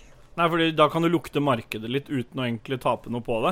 Da kan du si 'se på vår aprilspøk', og så alle bare 'nei, Ja, nei det vil vi ha'. se- Å ja, men det kommer. 200 som skrev 'Å, skulle ønske dette var et ekte spill', for Ja. det så jo gøy ut. Ja. Og så bare pleaser du de noe enormt. Ja, World of Warcraft gjorde det samme med pandaer et år. Sa å, det skal komme pandaer i spillet, så spillbar rase. Alle bare ha-ha. Ja. Å, det hadde vært litt Alle koselig. lo godt helt til de så at de kom i spillet. Da forsvant smilet fort. Eh, hva er River City Girls for noe? Det høres jo veldig suspekt ut, da. Det høres ut som noe som du har i, eh, oppe på hemsen din. Det høres veldig I det gamle VHS-skapet. River City Girls 14 er vel den jeg anbefaler der. Fordi de, det tar seg litt tid før de får bygd opp storyen og sånn. Ja, det er oppfølgeren til River City Ransom, som har jente i hovedrollen. Ja. Eh, Det er de så- filmene jeg har oppe på loftet mitt òg. Det er old school, eh, sånn Double Dragon-aktig type spill. Jeg tror ikke Det er de jeg filmene jeg har oppe på loftet mitt Vi trenger ikke å snakke så mye om det. Men du som er Xbox-mann, gleder deg ikke til Gears Nei. 5, Ståle? Nei, jeg det, altså. Det er jo manne-mannespill over alle. Der kan du sitte og prate og jazze med skikkelig Men- med gutta. Men, men, men det at jeg er eh, sexfiksert uh, Fortsatt så er jo ikke definisjonen på en mannemann for det. Eh, Nei, så- men du så- liker å sitte og prate skit. Prate Ja. mannskit. Du sier jo mannskit. Du sier, sier sier du prater ikke ja. kvinneskit. Sier mannskit. Ja, jeg sier kvinne. Mannskit. Ja, for kvinneskit, ja. ja. Nei, jeg, jeg, har, bare- jeg har spilt litt Gears. Eh, det kan at det blir, blir kult, men Gears 4 var jo bare en blåkopi av Gears 3. Så det er liksom eh, Og nå har de ikke giddet å ta seg bryderiet med å kalle det Gears of War engang, fordi at det står i fare for å bli forkorta med God of War. eh, Så, så da er det bare Gears Det skulle God of War gjort. De skulle bare kalle seg for God 5. Ja. ja, ikke sant. Nei, jeg vet ikke. Eh, Dragon Quest eh, 11 til Switch, er, er ikke det som er spesielt med den versjonen der, at du får eh, orkestermusikk istedenfor uh, den musikken som Ja, jeg tror du kan switche, hørte jeg på å si, men det vel blitt et forsøk på ordspill. Du mener switche? Nei, men det, det Jo da, det, det, jeg har det jo på PC, så jeg burde jo egentlig spille det på PC, men av en eller annen grunn så syns jeg at de spillene gjør eller, Ja, ja, Det er noe som enig. Er passer veldig godt på Switch. Men nå blir Switch-versjonen den eneste i første omgang som får de der orkesterversjonene av musikken nå, altså Så da er jo da, Sikkert. Ja, det er i hvert fall det jeg har Det er no, noen som skiller seg ut der, hvis vi ser bort fra Monstrum. fotballspillene og de japanske. Og det er jo um, Borderlands 3 er jo det som veldig mange er vent på her. Og vår Mats har jo putta det på lista. Jeg vet jo også at selv om Katarina ikke har bidratt med spill, Ja. det er jo det hun gleder seg aller mest til i år. Mm. Uh, Mats håper at de finner tilbake til Borderlands 2-formen. Jeg vet ikke at de noen gang fant veien bort fra Borderlands 2-formen, for det er jo treeren. Så det var veldig rar ting å Nei, men si. Men, uh, uh, men også, også Lars Ja, men de er hadde vel Borderlands 3. prequel. Det hadde den etter treeren, var ikke det? Var ikke det sånn her Telltale Games? Nei, det, det, de har? Telltale-spill, men de har Borderlands 1 og 2, og så har de Borderlands prequel, og den var ganske annerledes fra eneren og toeren, så jeg tror det er det han refererer til med formen. Ok, Mm. ok. Da er det sikkert det. Men Lars òg ser frem til Borderlands 3. Men det igjen er en sånn lunken uh, anbefaling fra deg. Borderlands 3 ser jeg frem til fordi det sikkert blir gøy å spille med venner og Lolbua-redaksjonen. Det, det er liksom det du, Det er bare- du kan, du kan, høre, du kan høre at han bare tømmer lungene for luft i en sånn derre Men han er også, også litt spent på Siden det spilles en del lokal multiplayer hjemme hos meg, er kanskje Trine 4 noe å teste. Er bare kanskje. Ja. Det er ikke noe han skal teste. Kanskje. Ja, vi, ja. Han spiller jo ikke gjennom spill lenger heller, så det er jo Nei, han gjør ikke det. Men, men Borderlands 3 er i hvert fall tre i redaksjonen som har på lista. Og det er eh, Det er ikke helt eh, Det er, det er jo et online uh, Mm. Både singleplayer og co-op Mm. multiplayer, uh, loot shooter, eller hva det heter. Men det er jo ikke helt uproblematisk spill heller. PC-eiere er jo i harnisk fordi det bare er på Epic Game Store. Stakkars PC-spillere. er Buhu. Uh, fakkeltog i morgen på Karl Johans gate for dem.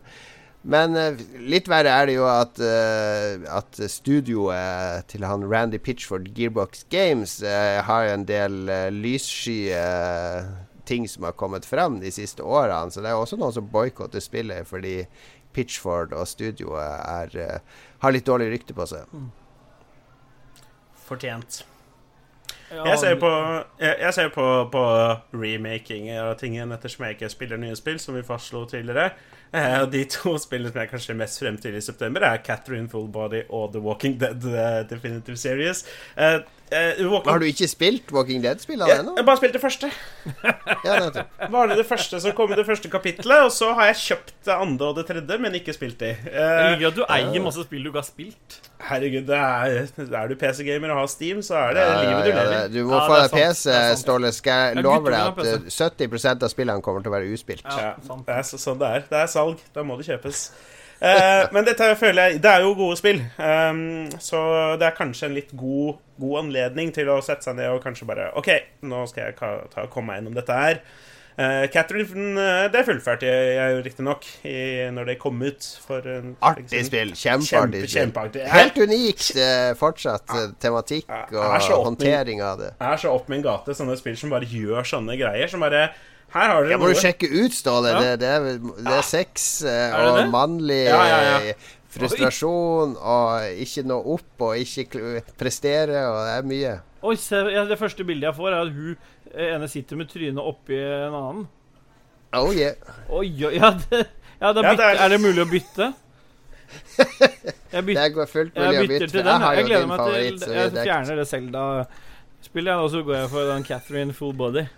Ja, det er et sånt spill til, Det til dere der som ikke har spilt det sånn som Ja, det ser nydelig ut. det er en Se på det her, da. Det er en ganske unik spillopplevelse, og det har en del Det har, det har en seksualisert tematikk for oss Åh, som det er det liker sånt. finnes, det. Det er den beste tematikken. Så er Peggy 18 Kom og se om jeg ser på trailer her. okay. Jeg vet ikke, Vi kan Oi, streame at uh, han ser på sånne ting. Ja. Og den han våk de våkner opp nakne i senga til hverandre og utro og greier. Fy faen, se på det. Ståle, kan ikke du eh, love å streame der Jo, når du vet du hva? får det? Åh, se det vil jeg se! Vet du hva, det kan jeg garantere med en gang nå. Dette er min september-tittel. Det så Ja, helt sweet, fantastisk sweet. ut. Uh, men det er et annet spill som jeg tror mange har gledet seg til, som jeg tror Jon Cato også går i bresjen for, som kommer ut i Ah. september. Det er The Legend of Zelda Links Awakening remake. Det er mitt favoritt-Zelda-spill. Jeg spilte på Gameboy, både den svart-hvitt-versjonen og DX-versjonen, som adda litt mer. Og det, jeg syns det ser helt magisk ut. Jeg synes det ser ut som de har bevart alt som var bra med den Gameboy-versjonen. Jeg liker det veldig godt fordi det er det mest fokuserte Zelda-spillet av alle. Altså, det å lage spill til Gameboy gjør at du får så mye restriksjoner at vi må bare spisse det helt ned til det som fungerer optimalt for å gi best mulig spilleopplevelse. Det er, det er så bra. Det er ingenting dødt i det spillet. Ingenting som er wasta. Ikke ett område som er bare Er det samme Eh, verden som eh, Nei, det er det vel ikke. Uh, fordi det var jo det eksklusive Den oppfølgeren til Snes uh, Dette Snes-spillet, som også var en sånn 3DS-tittel. Hva het dette for noe? Mm. Det også var også veldig veldig bra spill. Det er også de bruk, der de brukte liksom Majoras Mask. Nei, tenker du på nei, på nei den helt eh, egne eh, Zelda Bare stå helt stille for meg. Var ren oppfølger til uh, Til Snes-Zelda. Som kom kun på DS. Ja. Var det seilgreiene eller noe? Nei, nei, nei. Nei, Nei, det var det der eh, der Link kan bli flat og gå Ja, på veggene og sånn. ja. Og så kan du gå langs Ja, det var ren oppfølger til, Ja, til eh, Det som var Link kult der, var at da begynte de å utforske litt den derre Og ikke bare at du må først få deg pil og bue før du kan gå videre. Ja, det elsker jeg. Ja, du kunne gå ja, hvor du du kunne- ville. Og du kunne til og med Du kunne lease våpen i en periode. Så helt til du døde, og så måtte du tilbake og, måtte du tilbake og så kjøpe eller leie våpenet på nytt igjen. Ja, ja, ja. Det var helt- Det likte jeg kjempegodt. Men var det, det var en del sånn Zelda-purister da som var i harnisk Ja, ja, ja, over det-. Vi skal ha den låste progresjonen med hookshot, bumerang, bombe Men jeg digga det. Jeg syntes det var helt konge at jeg kunne gå hvor jeg Altså, da hadde de tatt litt det derre som du så i i, uh, nå står det helt stille for meg hva Zelda opp til uh, Til Du har sett for mye på Catherine. Jeg har gjort det. Jeg ble helt satt ut av det greiene her nå. Jeg må gå tilbake til den der det, Se her, nå er de tilbake og tar Ok, på Pusher ja, jeg så velger er Jeg velger Selda. Jeg velger Zelda, Links Awakening, Borderland 3 på Mats, Katarina og eh, Lars, under tvil. Ja. Eh, Walking Dead på Philip. Skal endelig få oppleve hele Clementine sin story story arc. Og da Catherine, full body, Mm. Jeg Ståle har lova stream. Stream! Ja. Det blir Det stream! skal jeg love dere.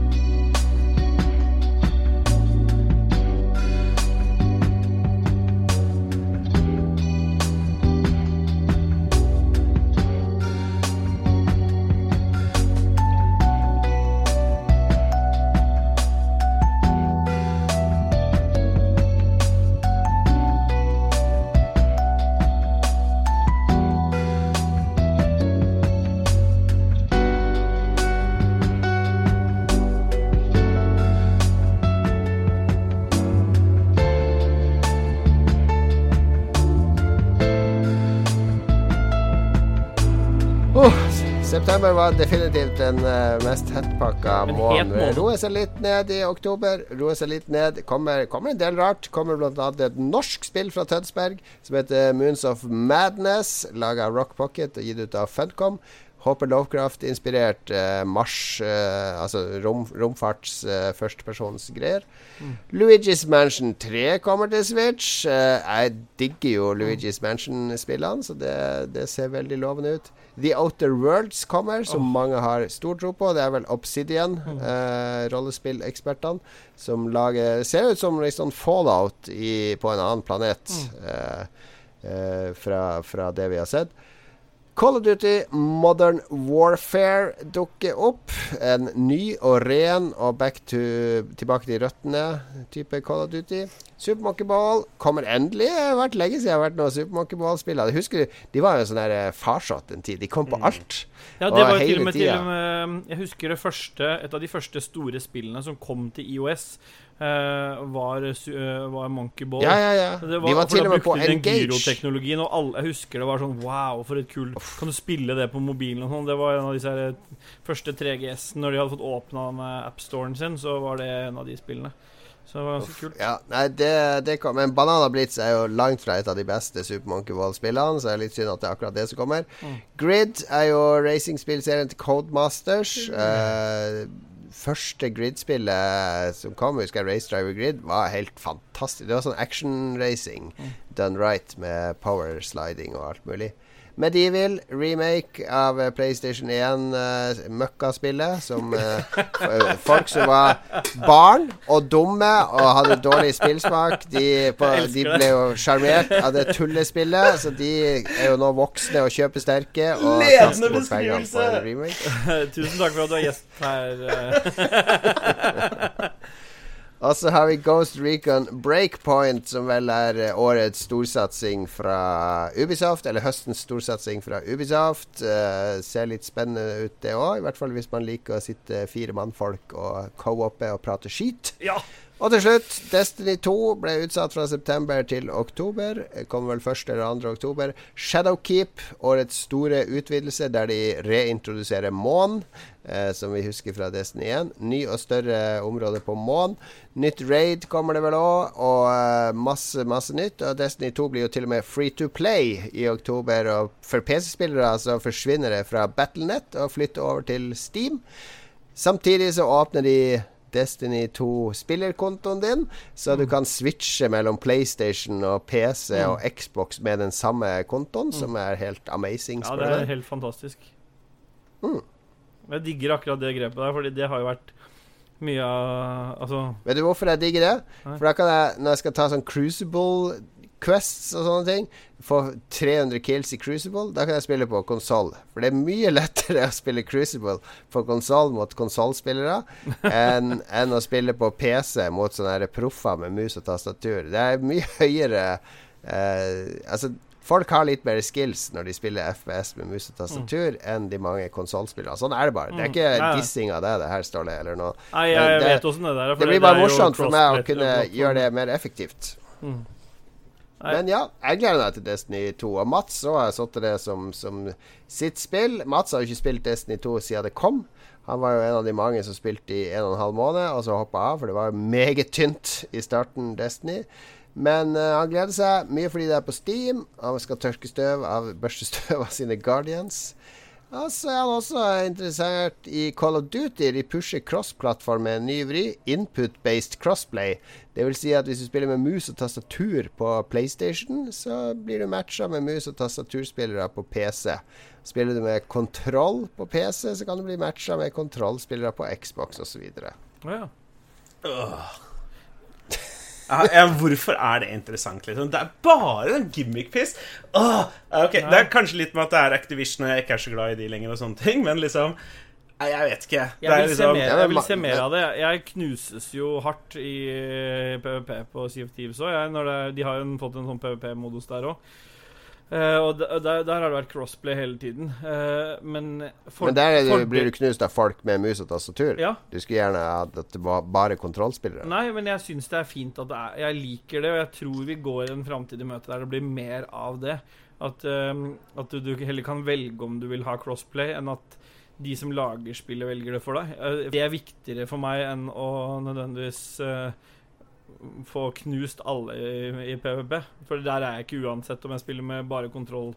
eh, andre som spiller med kontroll. Men eh, jeg liker den tanken om å prøve å samle folk litt, uavhengig av hvor man spiller hen. Og det tror jeg de neste eh, konsollgenerasjonene kommer til å fokusere mer på.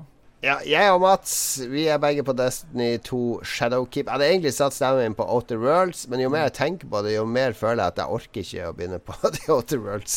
Uh, jeg- å begynne på sånn stort singleplayer RPG der du vet eh, her må putte 100 timer er det du er veldig, alene. veldig Du må sitte aleine.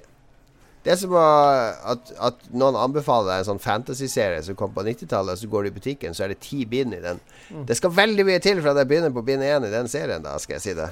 Men, men fordi at det at du hadde satt At du, du ville ha det, det var, gjorde litt at jeg ikke, valgt å ikke gjøre det. Sam, samtidig Ja, for du har sittet inn på med Medivi! Ja, men, men det er igjen fordi at det er, det er det eneste remaken av uh, et PlayStation 1-spill i oktober. Og siden det er den beste konsollen, så ja. Nei, jeg vet ikke. Jeg er veldig sucker for rollespill. Gode rollespill. Uh, så Flytt deg flytt deg ned på Outer Worlds. gjør det. Så, så jeg, jeg har litt trua på at Outworlds kan bli et spill som er opp min gate. Eh, men igjen Ser, ser artig ut. Ser artig ut. det, det gjør det. Men jeg også er litt skeptisk mest fordi er jeg klar til å sette i gang med et så stort, omfattende singleplayerspill, egentlig. Ja, ja. Hvis du fortsetter å skrive de dårlige jobbsøknadene, så skal du se at du har mye tid i oktober òg, Du Skal få masse tid.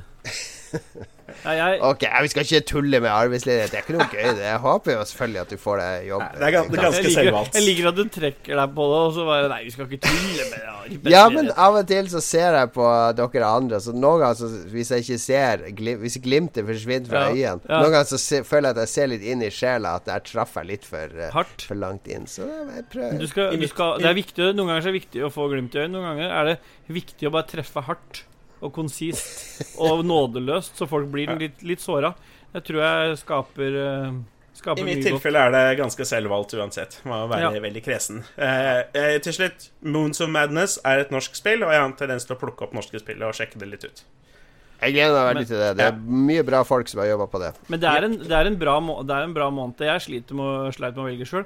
Jeg har uh, spilt litt Ghost Recon, den, uh, The Wildlands. Det kom jeg inn i nå i år.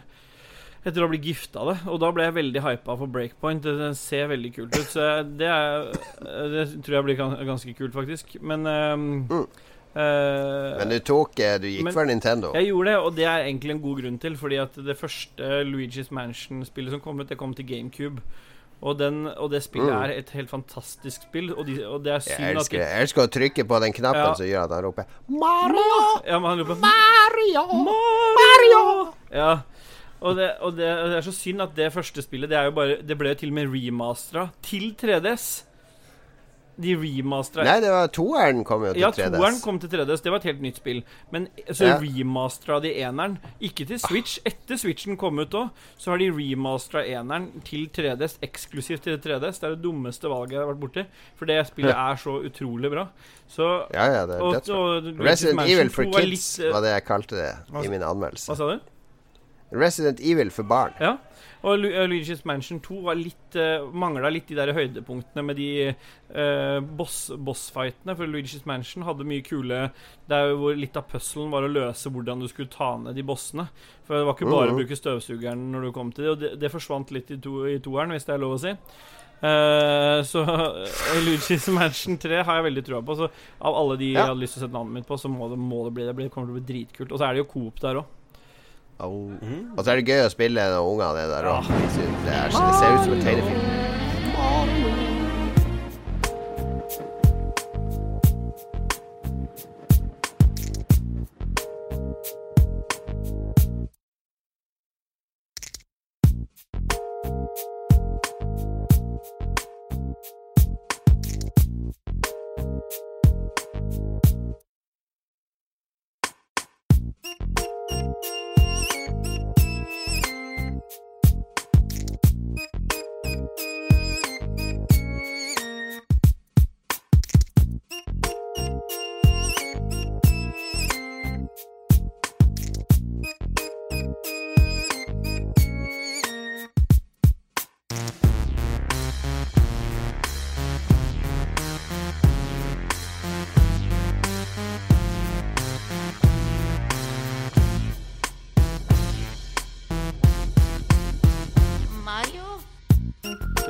Husker du hva støvsugeren til Luigi het i Luigi's Mansion? Faen, han hadde navn, ja. Polterfunk Ja, stemmer det. var jo 3000. sånn tyskprodusert støvsuger. dun, dun, dun, dun, dun, dun, dun, dun, dun. Ja. November. Ok, nå ser jeg Philip eh, fase ut. Det er hans akkurat når vi snakker. Nintendo, greit. November kommer nå, og det er stor måned. Death Stranding, Hideo Kojimas nye Blir det mesterverk, eller blir det bare en gal manns uh, ralling uh, i, ut i alderdommen? Just Dance 2020. Den, gleder meg, eh, Jeg vet hva. jeg med. Jeg tenker Det skal jeg streame. vurderer alltid Just Dance. Planet Zoo Jeg har videoopptak av Philip. Jeg skulle til å si det! Husker du den PR-greia? Ja. Hvilket spill var det? Det var på Palea. Det var. Just Dance, det det første. Til, ja, føler med, jeg med er sånn. Da Philip bare holdt bagen min og gikk amok med sine, sine latinske moves. Det der må jo være noen Patrion-mulighet for det å få inn tilgang på det opptaket der. Planet Zoo kommer. eh, Det er en veldig populær eh, sånn der Bygge Zoo-serie. Ja. Uh, Layton's Mystery Journey, Catriel and the Millionaires Conspiracy. Professor det, Layton. Jumanji, The Video Game. det sto på alle lister. Det er jo Jack Black og The Rock og andre, tror jeg. Ja. Pokémon Sword og Pokémon Shield kommer. Det er vel de første Pokémon-spillene utvikla til Switch, hvis jeg ikke har tatt det helt Mm. Det feil. Star Wars, Jedi, Fallen Order, Mm. Shenmue 3, Doom Eternal og en remake av 13, tror jeg den siste der. XIII. Mm. Uh, en heavy måned. Mhm. Det er litt i november.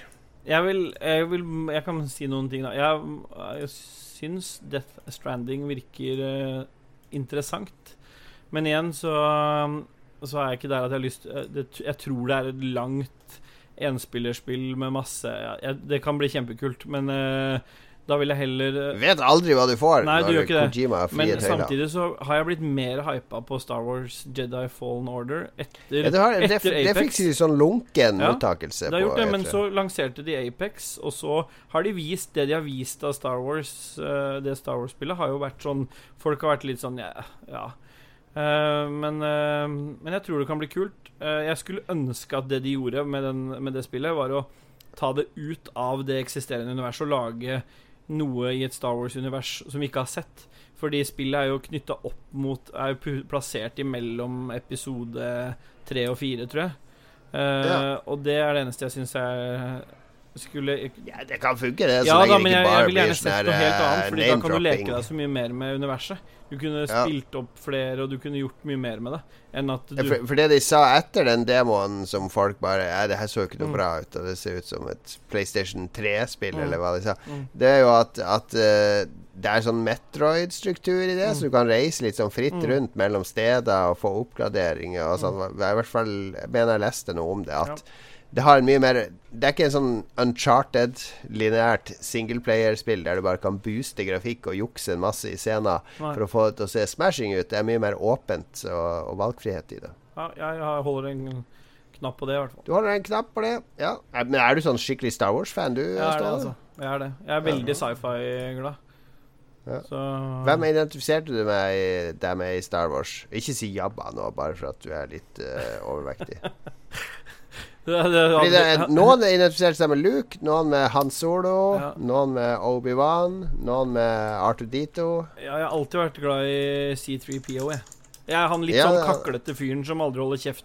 Og litt sånn Ja. eng Og jeg er litt lik han nå, for jeg er litt sånn jeg, jeg er stor i kjeften, men jeg er egentlig litt engstelig av person. Så jeg er litt sånn som Ja, bekymrer ja, meg litt lett for ting. Og sånn. Så hvis du ser C3PO flere ganger, så vil du, vil du Og de som kjenner meg, vil på en måte se litt av meg i han.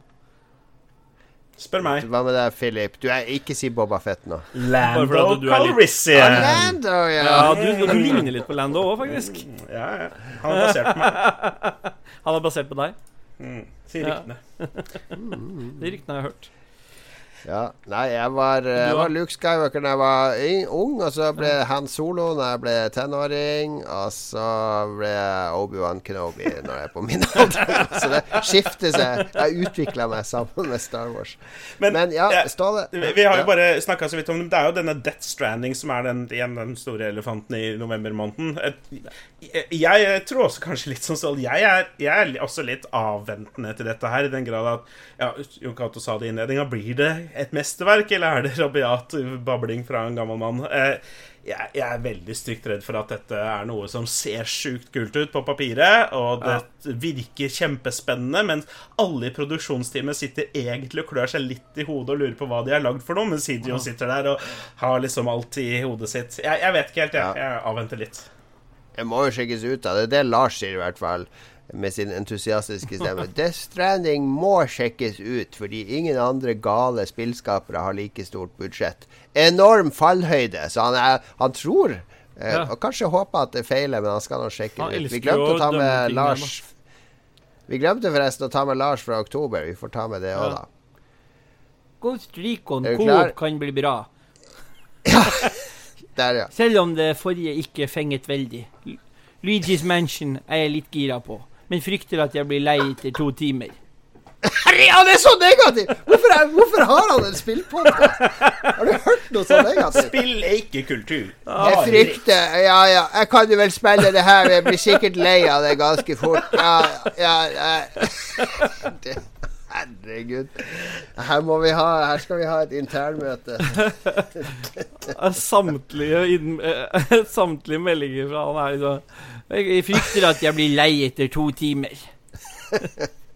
Det er mye negativt. Nei, jeg gleder meg jo til å prøve Kojima sitt spill. Det, det må jeg innrømme. Bare for å se alle ideene som man ufiltrert får ut. Men jeg tenker jo også at det kan jo være en grunn til at han måtte skille lag med Konami. Ja. Vi får se om han har liksom det, det er mange folk som ikke fungerer bra uten produsent. Eksempel Stephen King var på sitt beste når han hadde en, eh, en redaktør som kutta mye i det han leverte inn. Og så kom det en periode der ingen torde å være sånn eh, redaktør for Stephen King, eller si du, du må kutte ned det her, og det kapitlet her bør fjernes. Så da ble bøkene sånn her ukontrollert hva Altså, mm. de ble ikke like bra. Fordi det handler om at du må ha noe eh, Tighte opplevelser er de beste opplevelsene. Ja, for du er, ikke, du er som regel ikke god i, alt. Hva kommer det? Det gjelder musikk også. Det er jo artister som skal produsere seg sjøl. Jeg eh, Jeg skal velge mitt spill, og det blir eh, Jeg kan si at Mats og han velger uh, Death Stranding. Nei, Mats har stor krise. Han gleder seg veldig til Death Stranding, Star Wars Fallen Order og Doom Eternal. Um, eh, ja, han, det er Respawn som er bak Star Wars, og han har full tiltro til at de klarer å få noe mektig singleplayer, siden de lagde Tidefall 2. Uh, ja, men han velger ender opp med Death Stranding. Og da tar jeg Doom Eternal, fordi Doom 2016 Doom er, Det spiller jeg fortsatt. Det er så metal og brutalt og det er så spill jeg glemmer Noen spill er det sånn at det går så fort, og det er så hektisk at jeg glemmer å puste. At jeg nesten må Jeg må huske å blinke med øynene og puste. Jeg må liksom minne deg på det. Og det, det er så deilig av og til. Bare koble helt ut. Med Doom, skyte litt, komme inn til nært, trykke på F, finish move, brekke armer. Jeg viste det til en kompis som aldri har spilt noe som helst. Jeg.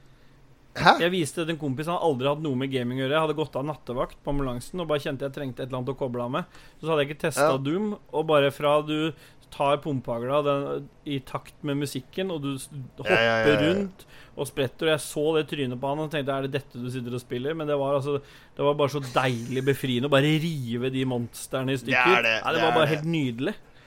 Det ser smashing ut. Og teknisk er det helt uh, utrolig hva de får til. Altså, de får det til å flyte sånn helt sinnssykt, selv på dårlig hardware og, og, På Switch også, til og med. og middelmådige PC-er. Ja, til og med på Switch. Så gleder meg stort. Uh, Philip, du lever definitivt i fortida i denne måneden. I denne måneden også. Eh, ja, Dette er det er, jo, det er jo dette Shenmue 3, da, Nei, som jeg er egentlig, ikke, jeg egentlig ikke tror på at kommer ut, selvfølgelig. Uh, men uh, Det ser jo ikke helt potent ut. Nå tuller du. jeg, jeg tuller bare litt. Eh, jeg tuller bare litt Men jeg tuller eller, Jeg vet ikke. De forrige Shenmue-spillene har alltid liksom Spesielt det første var jo helt utrolig. Og han, Ja, han. Yu Suzuki er liksom der semigal i hodet. Og dette her er jo kickstarter-greier og crowdfunda og sånne ting, så det er jo ikke det samme i det hele tatt. Men jeg vet ikke. Bare er det det minste preget av ideene til, eh, til han er produsenten her i dette spillet, så, så er jeg interessert i å sjekke det ut. Men som Det er jo litt, litt artig at både et nytt Hidio Kojima og Yu Suzuki-spill kommer samme måned. da Det er det definitivt. Og selvfølgelig, må, hvis jeg skulle satsa pengene mine på en av de, så ville jeg nok heller satsa de på Death Stranding. Um, Ja. Men uh, Men hjertet ditt, hjertet ditt ja, hjertet Ja. mitt, dette nostalgihjertet mitt, det er vanskelig å gjøre, gjøre noe mye med. Eh, ellers er jeg også eh, litt hypa på Doom Eternal. Jeg er ikke noe glad i førstepersonskytere generelt sett, men Doom, det, det, det er så artig at Doom Eternal kommer jeg nok til å, til å legge en time i her og der.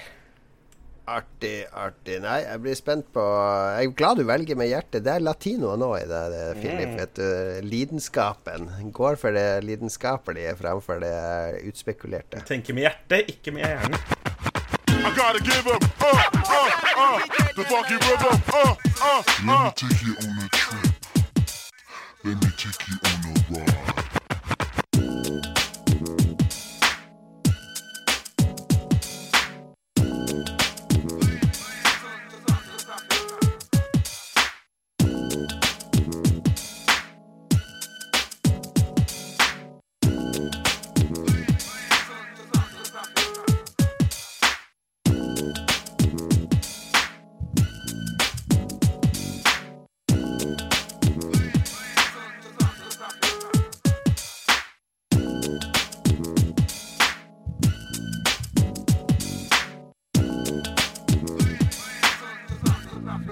Ok, det blir en lang sending der, men sånn er det når vi skal ta for oss hele spillhøsten. Det er jo et tegn på at det er en, eh, en spillhøst med mye spennende i vente. Eh, men vi må rekke innom våre faste spalter for det, og da har vi jo selvfølgelig anbefalingen som siste spalte før lytterspalten, som vi pleier å avslutte med. Og anbefalinga er jo der vi anbefaler noe eh, som ikke er spill.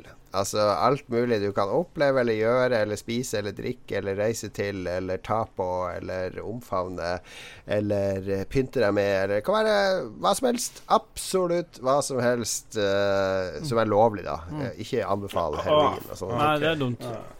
Den Du får tak i det også. På Lambertseter er det ganske lett, faktisk. Men det er jo ikke å anbefale, da. Ok, jeg, jeg begynner. Jeg begynner. Jeg begynner Jeg har en uh, Min sommerdrikk, som jeg har drukket en del av i sommer, er Velkommen, Lars. Takk for at du kom tilbake igjen. Ja, det er litt sånn Lars Litt sånn Lars-nivå på, den- anbefalinga her. Det er ikke så ille som badeskum. Nei, eller den lokale tannlegen. Legendarisk anbefaling, da. Som ingen får brukt. Nei, jeg har eh, eh, min, Hvis jeg skal drikke brus, så foretrekker jeg alltid Coca-Cola uten sukker, som det heter nå. For det er ikke lov å si Coca-Cola Zero, ifølge Coca-Cola. Uh, Coca-Cola Zero har vært min, min go to brus. Men så i sommer så dukka det opp noe som heter Pepsi Max Lime. Som er sånn Pepsi Max-boks med sånn grønn uh, runding øverst. Og jeg er jo glad i lime. Altså, uh, Vår venn Christian eh, kan jo sikkert istemme det. Korona med lime er jo en klassiker. Men eh, en limebit i brusen er ofte veldig godt om sommeren med noen isbiter. Men en Pepsi Max med lime, den lille ekstra limesmaken Helt fortreffelig god sommerdrikk. Den må være iskald, nesten på frysepunktet. I boks. Åpne boksen, tar deg en slurk. Åh, det, det har virkelig vært min sommerdrikk i år. Pepsi Max Lime. Så jeg anbefaler jeg varmt. Ja, jeg vil Kaldt, kaldt. Anbefaler jeg at du drikker den kaldt. Ja, for det tror jeg. For de, de to gangene jeg har smakt den, så har den vært sånn halvkald fordi den står i sånne åpne kjøleskap. Ja, det går ikke. Det går ikke. det heller- iskald. Ja. Iskald. Da skal jeg teste ut det. Ja. Philip? Jeg sitter egentlig mest og tenker på hvordan jeg skal drikke Pepsi Max Lime for første gang. Fordi nå er forventningene høye, men jeg føler Ja. at alt må ligge til rette rundt. Uh, eh, ja, jeg liker jo også gode drikker. Jeg hadde også vurdert å anbefale en drikk, fordi jeg har kjøpt Coca-Cola Energy. Uh, og jeg sitter, jeg sitter med den her. Jeg har ikke åpnet den ennå. Jeg har aldri smakt den. Og jeg vurderte å gjøre det, men jeg gidder ikke drikke Da får jo ikke du sove før du klokka tre. Akkurat det jeg skulle til å si. Jeg gidder ikke drikke energidrikk så seint. Så i stedet Dette er en gammalmannspodkast. We're going outside the box! Hva skjer nå? Nei, nei, nei, nå kommer han. eh, ikke kle av deg. Denne gangen vil jeg anbefale noe av det morsomste som fins, som ikke Oi, oi, er sex, for det anbefalte jeg forrige gang. Karaoke. Oh, Oi, Når oi, oi, sist var det dere var ute nå på snakker du til Enig. menigheten. skikkelig god karaokerunde? Det er så gøy. Og Det er gøy. Jeg, jeg, selvfølgelig, jeg er en litt sånn entertainer by, by nature, så jeg syns alltid, alltid er artig. Men det er så mange mennesker som man drar med på karaoke, som bare Å nei, det er kanskje litt sånn flaut og sånn. Kommer man dit, får et par øl, og så finner man en sang man liker. Og hvem som helst kan ha det kjempeartig på karaoke. Helt enig. Det var Jo, sabla Ja, god anbefaling. helt enig. Jo, jo mer eh, kompiser og intimt det er, jo bedre er det. Jeg var på karaoke i Tokyo også en gang, og det var dritkult. I en av disse her karaokerommene der du fikk servert drinker og mat og alt mulig. Faen, vi satt der i fire og en halv time og sang. Det er dritgøy.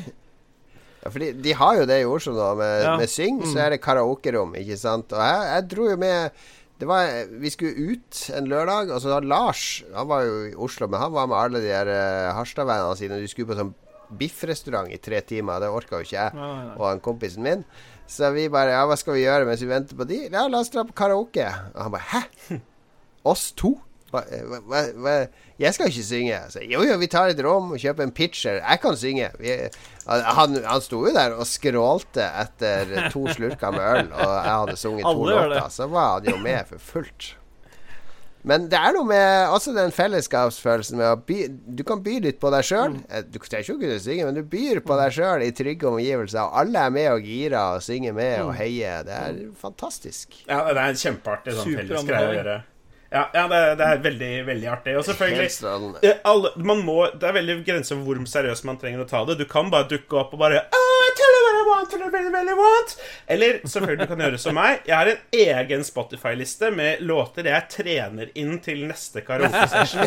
sånn skal det være. Ja, ja, det, det er ikke hvem som helst låter som kommer inn på den, for det må både være noe jeg, kan, jeg behersker, og er litt imponerende, men òg allsangvennlig. Og det mm. Ja, ja, ja. ja, er for du, du naila det jo på Marioke, som er eh, karaoke med spillmusikktekster. Da fremførte du vel både Backstreet eh, Boys og eh, House of, House of Pain. Ja, Jump Oh, Around. yeah. Ja, Spesielt den var jeg veldig skeptisk til, fordi vi på Marioke så kan man jo ikke teksten fra før. Den Nei. dukker bare opp på skjermen, og spesielt da å ta en hiphop-låt som går litt kjapt, det var eh, litt risky, men, eh, men veldig artig. Og karaoke, det koser jeg meg med. Jeg har en eh, til neste Marioke, Philip. Så skal vi øve inn. Du skal være med, Ståle. Du skal ta refrenget. Ja.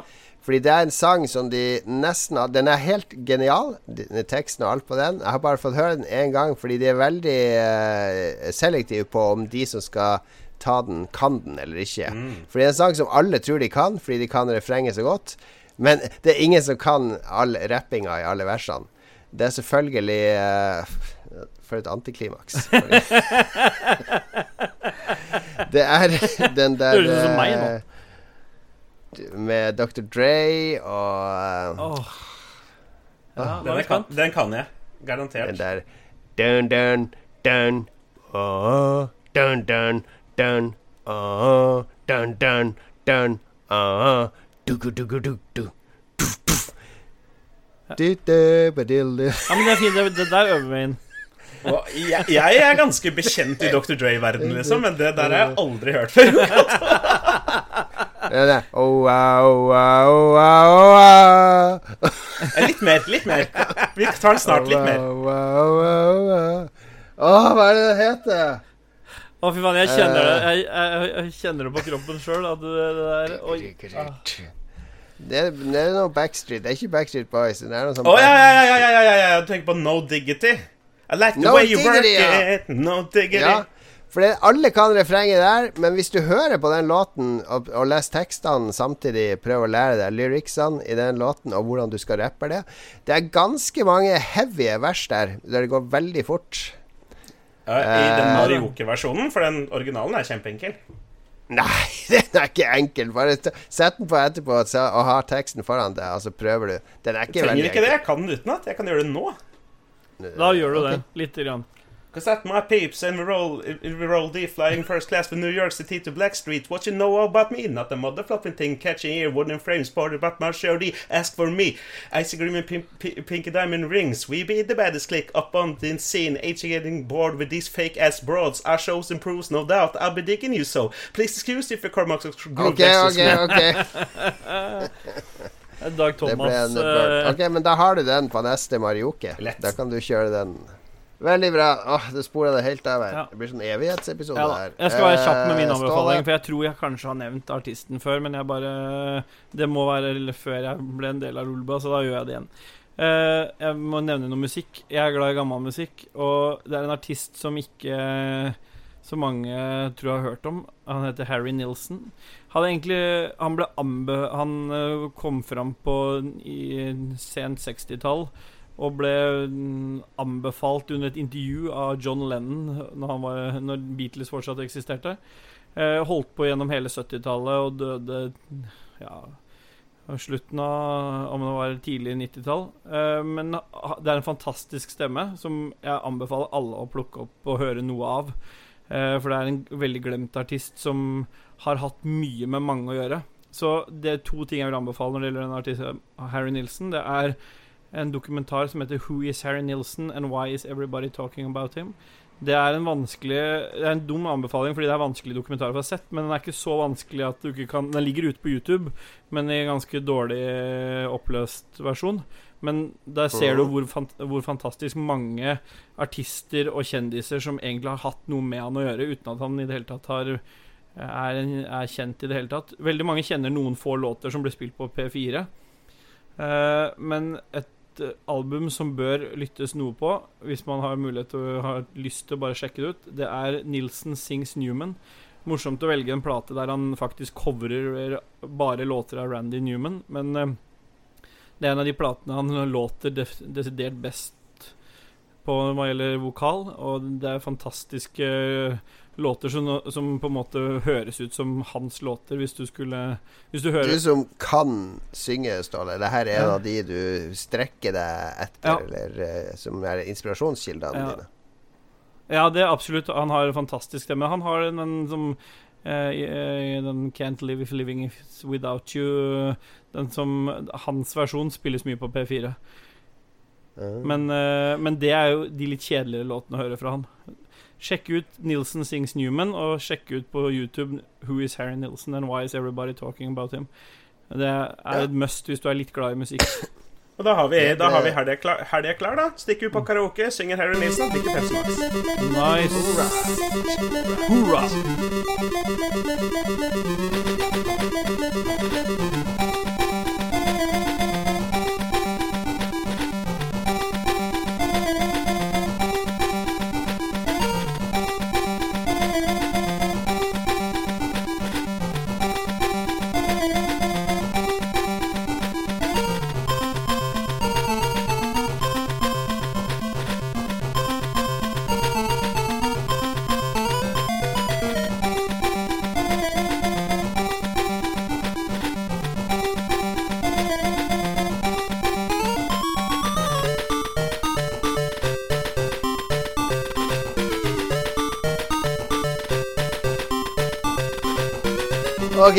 Lytterspalten, min favorittspalte. Vi glemte jo Lars sin anbefaling. Jeg skal anbefale en ny CD. Det er i hvert fall to gode låter på den, men du går litt lei etter tre gjennomhøringer. Men jeg går nok lei etter et par minutter. Ok, stakkars Lars. Lars blir, Lars er Lars blir litt sånn bra sur òg når vi hetser. Vi- Det er jo det med kjærlighet Ja, vi hetser jeg, jeg, jeg, jeg elsker deg, Lars. Jeg òg elsker Lars. Filip, elsker du Lars? Bare på den platoniske måten. Å ja, jeg Ja, elsker på alle det- måter. He- Helst 69, som i episoden. Nok, nok 69 nå. Uh, vi, lytterspalten. Vi spurte nemlig våre lyttere hva de gleda seg til i høst. Vi fikk masse svar, masse engasjement. Vi begynner med han Sveen. Han har havna på iRacing-kjøret nå. Vet ikke hva iRacing er. Det høres ut som noe uh... Racing simulator-greier. Jeg har en kompis som også Ja. holder på med det. Det er svære greier. Han har brukt 10 000 på ratt og pedaler, pluss et par tusen på subscription, baner og biler, så nå har ikke han råd til noe annet. Her uh... Det her høres ut som eh, det Christian Chessem driver med, bare er sånn der eh, lekestue i forhold til iRacing, kanskje.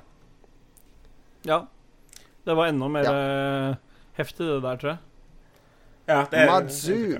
Matsu. Matsu er neste ut. Han har tre spill han gleder seg til. En Legend of Zelda Links Awakening. Han har så gode minner fra det spillet at han har ikke ord som kan beskrive det. Han har Ja, ja, ja. Han har en, han har en listeplassering, han. Hm? Ja, han har en liste. Han har tre spill han gleder seg til. Ja, Death Stranding er nummer to. Kojima Without Chains. Han er veldig nysgjerrig på hva spillet egentlig er. Og til sist har han Spelunky 2, som eh, Det er vel ikke avklart om det kommer i høst, men hvis det kommer i høst, så er det definitivt et must play-spill av meg òg. Ja. For meg òg. Martyrik eh, har også to spill på lista si. Han har eh, nummer én har han Nino Kuni remastered. PS4 Er det en PC, Ja, for den, PS4 kommer, den eksklusiv? tror ikke jeg tok med, for det var så mye remasters. Ja, okay, Men er det en PS4 eksklusiv, det? Siden han har nevnt PS4? Ja, samme det. Spilte det på PS3 og fikk platt. Jeg regner med det er alle achievements, eller ja. Denne gangen Ikke gjør deg dum, Ståle, bare fordi du elsker Xbox. La meg få holde på litt nå. Denne gangen skal jeg spille det med min datter for å se om det er noe for henne. Eh, Plass Ja. nummer to er Mare Path of Exile. Helt hekta på det spillet, noe som er veldig rart fordi jeg ikke likte Diablo-sjangeren før. Mange som har oppdaga det spillet Mm. etter det kom på PlayStation 4. Eh, Free to play. eh, Nocturne, derimot. En ny lytter. Nocturne. eh, eh, Nocturne, ja, kanskje.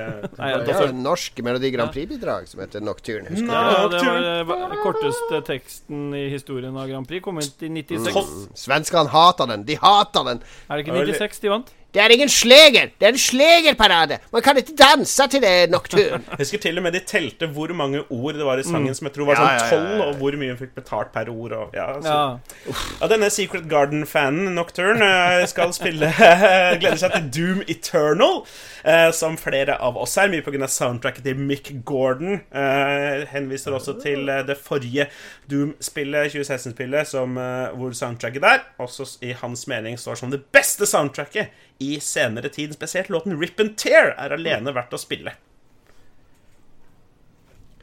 All right. Uh, Martin Pettersen uh, ser frem til uh, litt eh, i båten til Philip her. Det blir nok en del backtracking i høst, rett og slett fordi det er for mange bra spill jeg ikke har fått spilt ennå. Han ser også frem til nye Call of Duty, av alle ting. Han har ikke spilt det siden Black Ops 1. Og så gleder han seg til å få tatt opp igjen Sea of Thieves med kaptein Ståle. Ja, ja, ja, det er bra, det. For jeg har hatt Det har vært en eh, liten gjeng fra um, fra Lulbo Entourage som jeg prøvde å få med på Sea of Thieves. Der var Martin Pedersen er en av de som eh, som ble med på det. Men de, de falt fort av igjen. Da. De var engasjert en liten stund, så jeg har drevet og pusha de litt grann her. Så hvis det er flere som vil være med, så jeg, tar jeg folk med på omvisning eh, hvis folk ønsker. Fr Ja. Fridtjof Nikolai Wilborn Han blir nok å spille Imperator Rome patch 1.2. Det er spesifikt. I sommer kom betaen på, den, kom betaen på den patchen, og utviklerne har praktisk talt gjort spillet til 2-0 helt gratis. Sykt mye nytt content som vanligvis ville kostet skjorta. Gratis fordi fansen synes release var tynn, og content og review-bomba spillet. Sjefdesigner har brukt mye av ferien sin på å flikke på ting, nesten for ille. Men betaen har blitt tatt godt imot, og, og jeg eh, Ikke lem når jeg prater, eh, Betaen har blitt tatt godt imot, og jeg som er uten internett i sommer, er hyped på å sjekke det ut. Hva er det Ja, jeg for kan, noe? det, Seriøst? dette, dette var eh, For meg så var det litt som å lese um, Lese fra Fifty Shades of Grey. Altså, eh, jeg leste teksten, men jeg fikk ikke med meg innholdet. Jeg er litt usikker på hva det er for noe. men jeg tror også han Fridtjof eh, er sånn der eh, community uh, sp spokesperson for det spillet. Så nå har han gjort jobben sin Ja, og bra. fått promotert spillet for, uh, for folka. Så det er lov, det. Men jeg skjønner det godt. Ja. Vi Vi- alle har spill vi er glad i og vil promotere. Så.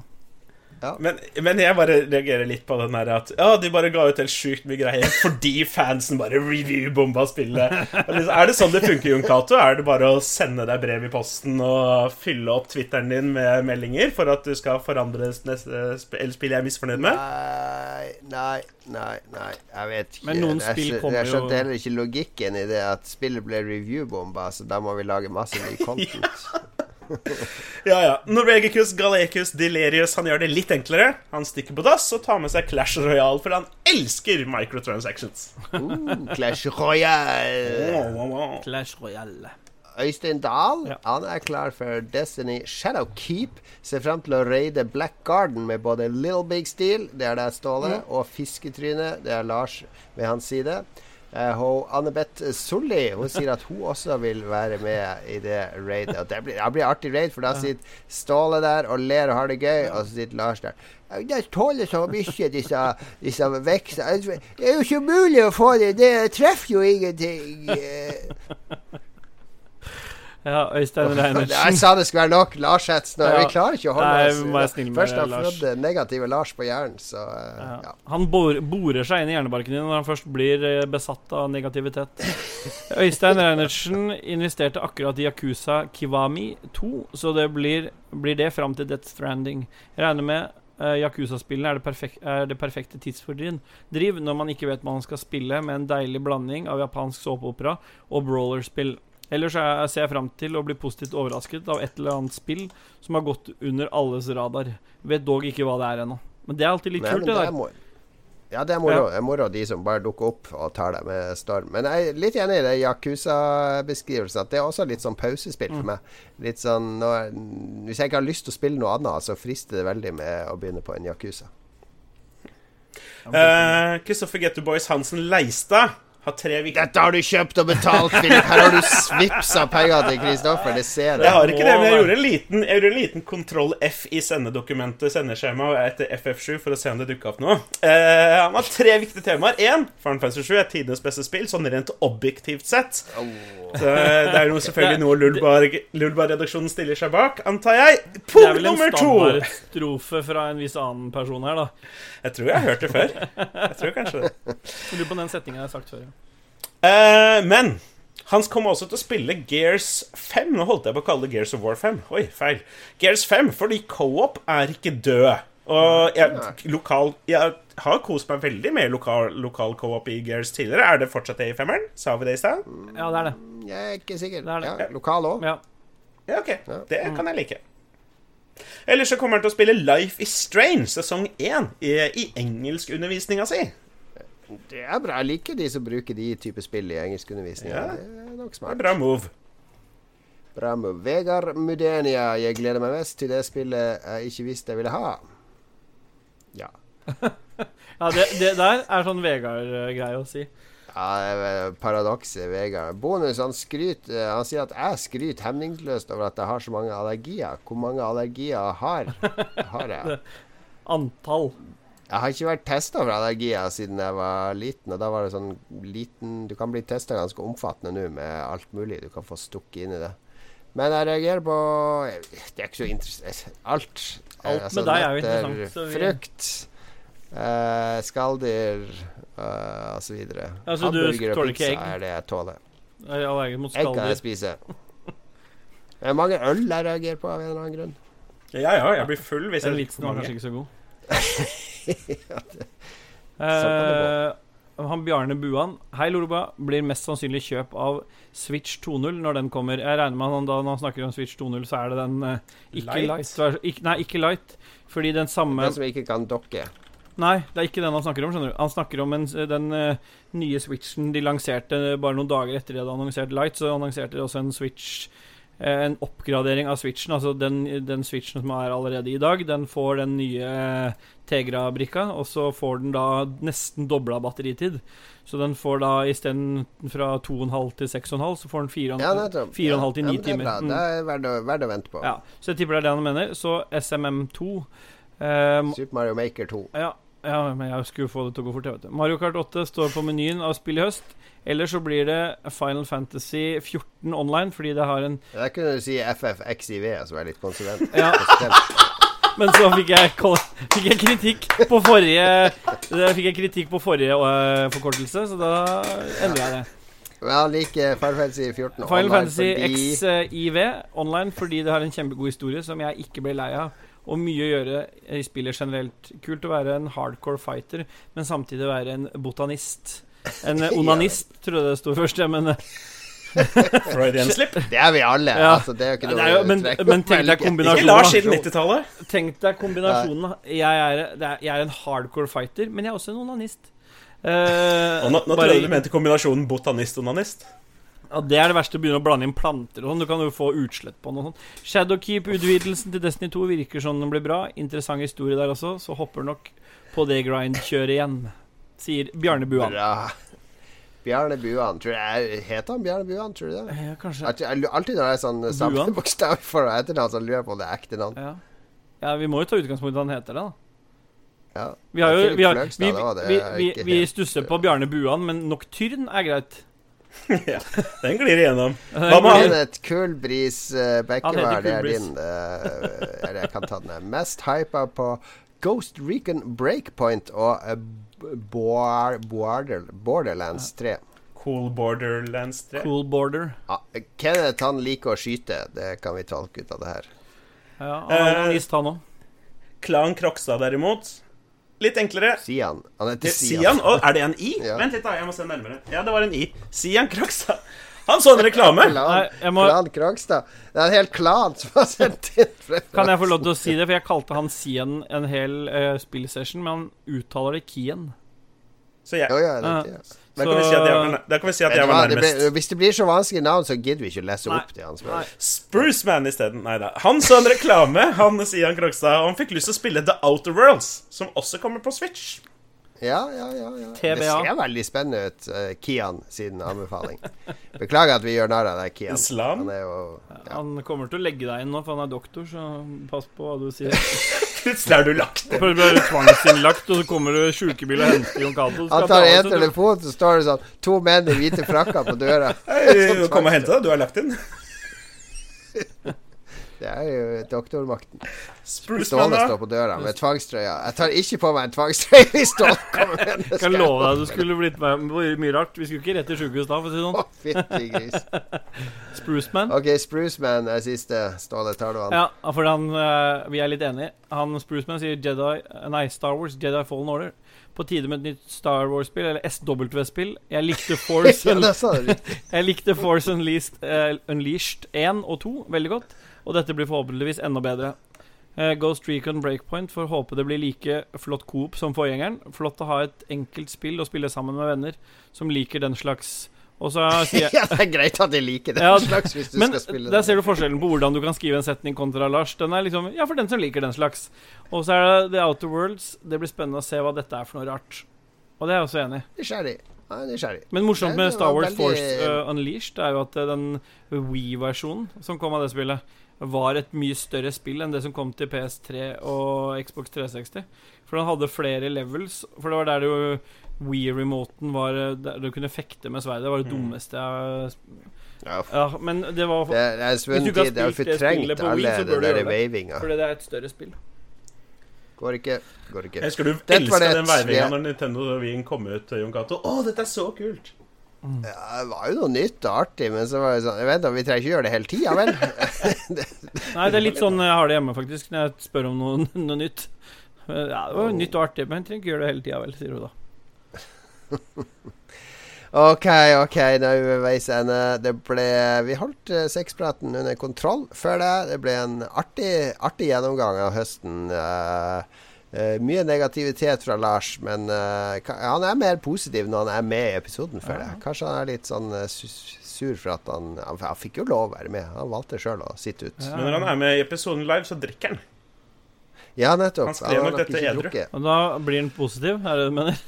Hvem gjør ikke det? ja, det er sant. Han blir det. Det er sant, Han han blir blir kjempepositiv. Ok, vi, vi, Takker vi, produsenter. Vi, vi, ja, produsentene var Kobrakar84, TTM XP og Rorufu. eh, Hvem er Rorufu. Hæ? Rorufu. Rorufu? Er han produsent Ja. på? Står på producerlista, i hvert fall. Ok. Ja. Og så skal vi uh, minne alle om at vi er ute hver uke. Uh, og så minner jeg om at i slutten av august, hvis du er i nærheten av Oslo og er interessert i Commodore 64, så blir det et eh, Commodore 64-show med meg og Christian på utestedet Ball i Oslo. Det blir mer info om det i kommende Lolbuer. Eh, og så skjer det også noe gigasvært i oktober, starten av oktober, så da bør du være beredt.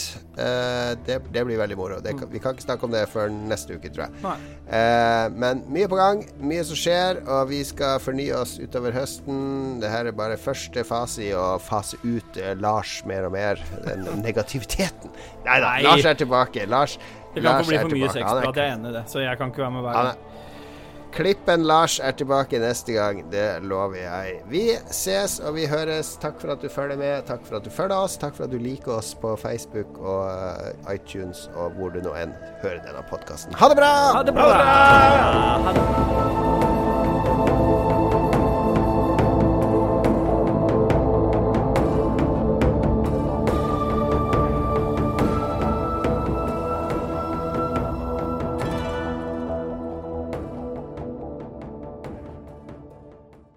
Har du et enkeltpersonforetak eller en liten bedrift? Da er du sikkert lei av å høre meg snakke om hvor enkelt det er med kvitteringer og bilag i fiken, så vi eh, gir oss her, vi. Fordi vi liker enkelt. Fiken superenkelt regnskap.